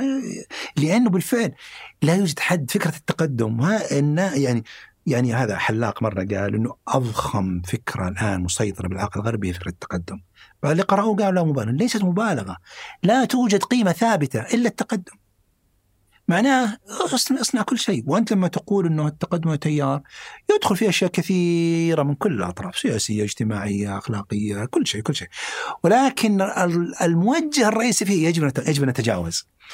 طيب لازم نتجاوز الأخلاق اذا الأخلاق هي مكان ثابت مفهوم ثابت لا يتغير. يجب أن نتجاوزه ولا ما يكون في تقدم. نحن كنا نقول يجب أن نتمسك بالأخلاق ونتقدم. أي ولاحظ النتيجة الخطيرة. كيف فتتنا قبل شوي؟ هذا اللي إذا تناقشت مع شخص تذكرت الرد بعدين. يعني شوف هذه الفكرة إنه الت- ال- التقدم الأخلاقي اللي يدل على أنه سيفضي إلى شر أنه انفلت عن عن عن الأخلاق. لأنه ما عاد يعاير آه، ولذلك تشوف مثلا الأسلحة وكذا وأترك ما عاد الحين الأسلحة الآن في الذكاء الصناعي اصبحوا يتحدثون عنه خطر أخلاقي. لماذا؟ لأن التقدم إذا انفلت من الأخلاق سيكون شر التقدم قوة. والشرير الأقوى أشد من الشرير الضعيف أليس كذلك؟ صحيح هي سي- سيكون الشر مضاعف وقوي ونافذ وعميق وراسخ ومتش... وله السلطة العليا. في حين لو أن هذا التقدم تقد كان معه تقدم روحاني وأخلاقي لاصبحت البشرية في أمان. بالعكس هذا مطلوب. مطلوب ان أن نزيد. لدرجة أن بعض بعض العلماء لا أدري هي شطحة أو لا يقول أصلا نماذج الأنبياء في الطب وال مثلا دا دا دا آه سليمان الرجل الذي طوى شهرين الذي أتاه. قال هذه نماذج وضعها القرآن لكي نسعى لتحقيقها. إنه يلا هذه نماذج يلا شدوا حيلكم. ولكن شدوا حيلكم وأنتم تعبدون الله وأنتم مت- متمسكون بهذه التوجيهات. فاذا بالعكس إذا صحت كلامه هذا كلام بن عربي. بن عربي الفيلسوف المتصوف الصوفي في الفتوحات الفتوحات المكية يقول إذا صح كلامه هذا معنى إنه نحن نتطلع تقنيا لابعد ما وصلنا إليه، لسه قدامنا طريق وشرعا نحن نتطلع إليه. النبوات جاءت تعطينا نماذج بناء على كلامه. لنفترض إن كلامه صحيح. لكن يجب أن يكون هذا مشدودا بالعكس كأن النموذج النبوي في في هذه كأنه يقول لا يلزم أن تصل إلى تلك المراحل أن تنقل الأشياء بلحظة يعني مثل ما حصل لسليمان أو مثلا يقف الم- الماء كما حدث لموسى أو تعرف إن إن إن, إن الأشاعرة يجعلون هذه المعاني قابلة للتحقق ومذهبهم إلى حد كبير. صحيح في السببية إلى حد كبير صحيح. الآن علم الحديث لا يقوم على السببية بالمعنى القديم يقوم على القانون. علم الحديث. فاذا تحقق إذا كان للبشر أن يحققوا هذه المعاني وبالفعل استطاعوا أن يصلوا إليها كما يحثهم عليها القرآن بطريقة غير مباشرة فالقرآن يقول نعم تستطيعون تصلوا إليها بدون أن تتخلوا عن أخلاقياتكم وإنسانيتكم. ترى هذه معاني ليست ثقافية هذا معنى تحدي كبير. يعني كارثة أن تكون الأخلاق ثقافة لأنك انت أنك تقول الأخلاق ثقافة معناه أن الأخلاق لم تعد في واقعك وليست في دينك قطعت علاقتك بالدين وليست في الواقع لأن الواقع قائم على السياسة وال- والسلطة الواقع وليست فطرة انك ليس لك فطرة ت- كائنات غير. فإذا ما ما أصبح للأخلاق قيمة إلا وين؟ الثقافة. الثقافة كلام ما في مشكلة. أعلى ثقافة موجودة في تاريخ ال- الكون كله موجودة في فرنسا وبريطانيا وأمريكا وألمانيا كتب لا تعد ولا تحصى مجلات ليس لها قيمة بس إيش اللي يهمك أو حتى يعني مفترض عادي نقبل بالتقدم بأق- بأقصى سرعة إيه وما في مشكلة إذا كان الأصل في الفترة زي ما أنت تقول ان الأخلاق فترة بالضبط. ف... فكذا كذا راجعين لها يعني. لا هو هو أو كذا كذا هو- إحنا س... لا يعني- ليس كذلك. هو هو هو, هو الأخلاق ميزتها أنها حرة. هي فطرة صحيح ولكن فطرة كماده خام أنت تشوف مثلا موضوع الكرم. آه، الانسان الإنسان من كماله أن يعطي. إذا بمنطقها منطقيا سيكون بهذا الشكل. أنت ناقص. فإذا اكتملت بدأت تتعدى. يعني يعني آه، آه، أنا أنا قاصر على ذاتي جيد إذا بدأت بدا- بدأت أفيض بدأت أتعدى ذاتي آه، تعدي الغير النفع يتعدى نفعي الغير أصبحت كامل فأنا أعطي غيري حتى الا أنا أكون كامل اليس كذلك؟ وهذه صحيح إنه بالنسبة لنحن البشر ليس بالضرورة ممكن أن أعطي غيري وأنا ناقص ولكنها دلاله على الكمال، لماذا؟ لأن ال- الأكمل هو الله سبحانه وتعالى هو الذي يعني يعطي غيره. فالعطاء الإلهي دليل على كمال، كمال الإله. فنحن نفس الشيء كرمنا وعطاؤنا سعينا في ان نكتمل، لكن لا نفعل هذا. لا نفعل هذا، نت- نترك. رغم أننا نعرف أن هذا كمال. وأنت لما ترى إنسان يعطي حيوان تراه كمالا، وإذا يعطي فقيرا تراه كمالا، وتشوف. وهذا ستنجر بالمناسبة من الأشياء العظيمة اللي حببتني فيه هو هذه فكرة العطاء، تخيل يقول إنك أنت مثال مثال عجيب، يقول إنه سوى حسبة. لما تشرب ماء صحة في بيتك كل يوم ولما تشرب هذا الماء كاس. وصل الفرق ال- بالتكلفه بعد مدري كذا إنك أنت حرمت فقراء كانوا يمكن ان يحتاجون إلى هذا الماء أو لتكلفته عددهم كذا وكذا ومات عددهم كذا وفعل كذا. كان الطلاب ينصدمون. يدخل على الاساتذه على الطلاب في الجامعة ويقول لهم هذه المقدمة. يصطدمون منه. نتائج فظيعة. كانك تشعر بالذنب وأنت تأكل تشرب ماء صحة. لماذا كان يتحدث عن هذه القيمة؟ يعني شوف إنه ممكن إنسان يتفكك ويتي يتي في تعامل أخلاقي. الشاهد إنك إنك أنت اخلاقيا أنت حر ممكن ما تستمر. وهذا هو الذي يحدث. المشكلة أن الريبوت لا توجد فيه فطرة. إذا صدق هذا الشيطان في كلامه وأنا ما أدري يصدق أو ما يصدق ونجح البشر في في الفصل بين الذكاء والوعي والله أكلنا أكلنا هواء أكلنا هواء لأن هذا الكائن الذكي ما في شيء فطرة ولا غريزة ولا يحزنون ولا ولا ثاني بضمير ولا ضمير. وإذا شافك تعطي ما بيفهم إنه هذا كمان لا خطأ ليش تعطيه؟ يعني عنده حسبة بين معينه مدخلة. بالفعل. لا بس أتوقع الذكاء هذا بيفهم من البيانات ما ندري والله. إن الذكاء إن الكرم فيه. ما ما الله أعلم ما أدري. شوف تدري وين وين يعني النقطة الحين ما نستوعبها الحين بعض في ناس يصرون على شيئين إنه ما في وعي عند الذكاء وإنه لا الإنسان يبرمجه. هاتان ما عاد كذلك. إذا صح الفصل هذه كارثة. الثانية خطأ. ليش؟ لأنه مثلا آه، خوارزميات جوجل ضخمة جدا. ما يسيطر عليها شخص يوجد عشرات الأشخاص كل فريق منهم يسيطرون على نقطة. لكن كل المجموع ما في أحد يسيطر عليه صحيح. أصلا ما, ما إيش فكرة الذكاء الاجتماعي؟ أصلا. بال- بالضبط. أنت أصلا لا تدرك ما, ما الذي يمكن أن يفعله هذا الرجل، لا يوجد شخص واحد ولا مجموعة أشخاص يمكن أن يستوعبوا هذا الكل، هذا أصلا أضخم منك، صحيح. ما تدري إيش يسوي. الشيء الثاني قديما كان البشر الإنسان يمر تجيه بيانات يعني معلومات يحولها إلى علم. أول شيء معلومات متفككة يحولها إلى علم إلى معلومات يحولها إلى علم ثم يحولها إلى معرفة، المعرفة مفهوم أعلى مترابط ثم يحولها إلى حكمة. مم. حكمة عملية يعني ينبني عليها خير وشر وأخلاق. وكلما بنى الإنسان آه، معرفته وعمله على الحكمة يعني كلما كان أكمل. على كل حال هذه النتيجة النهائية. الآن ال- الذكاء الصناعي وين يشتغل؟ لن يصل أربعة. ولا اثنين ولا ثلاثة ولا اثنين سيظل في واحد في البيانات. حتى موضوع العلم ما يصل إليه. هو هو ولذلك يسميه يا جماعة لازم لازم تشوفون هذا الفصل الأخير اللي اسمه دين البيانات الهراء مم. الحق إنه يتحدى كتاب الإنسان الاله ليس الإنسان عاقل الإنسان اله هذا ظهر بعده. هذا الكتاب يتحدى.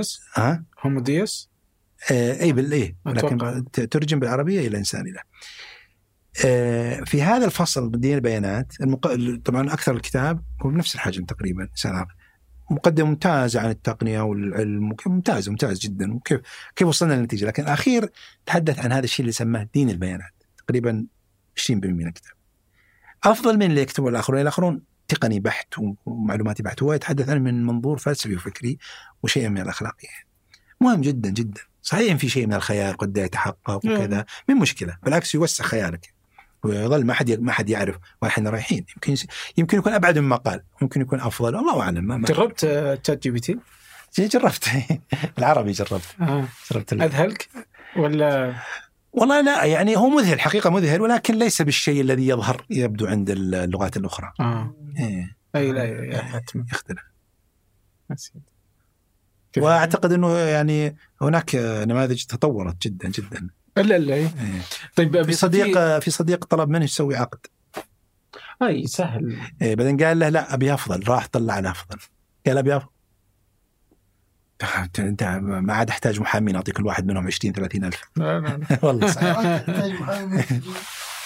آه، بس فيه لا أنت أنت قلت إن فيه كتب تنصح بها آه، في آه، الأخلاق. في الأخلاق إيه. اي فلو بس آه، كرما ترسل اسمائها.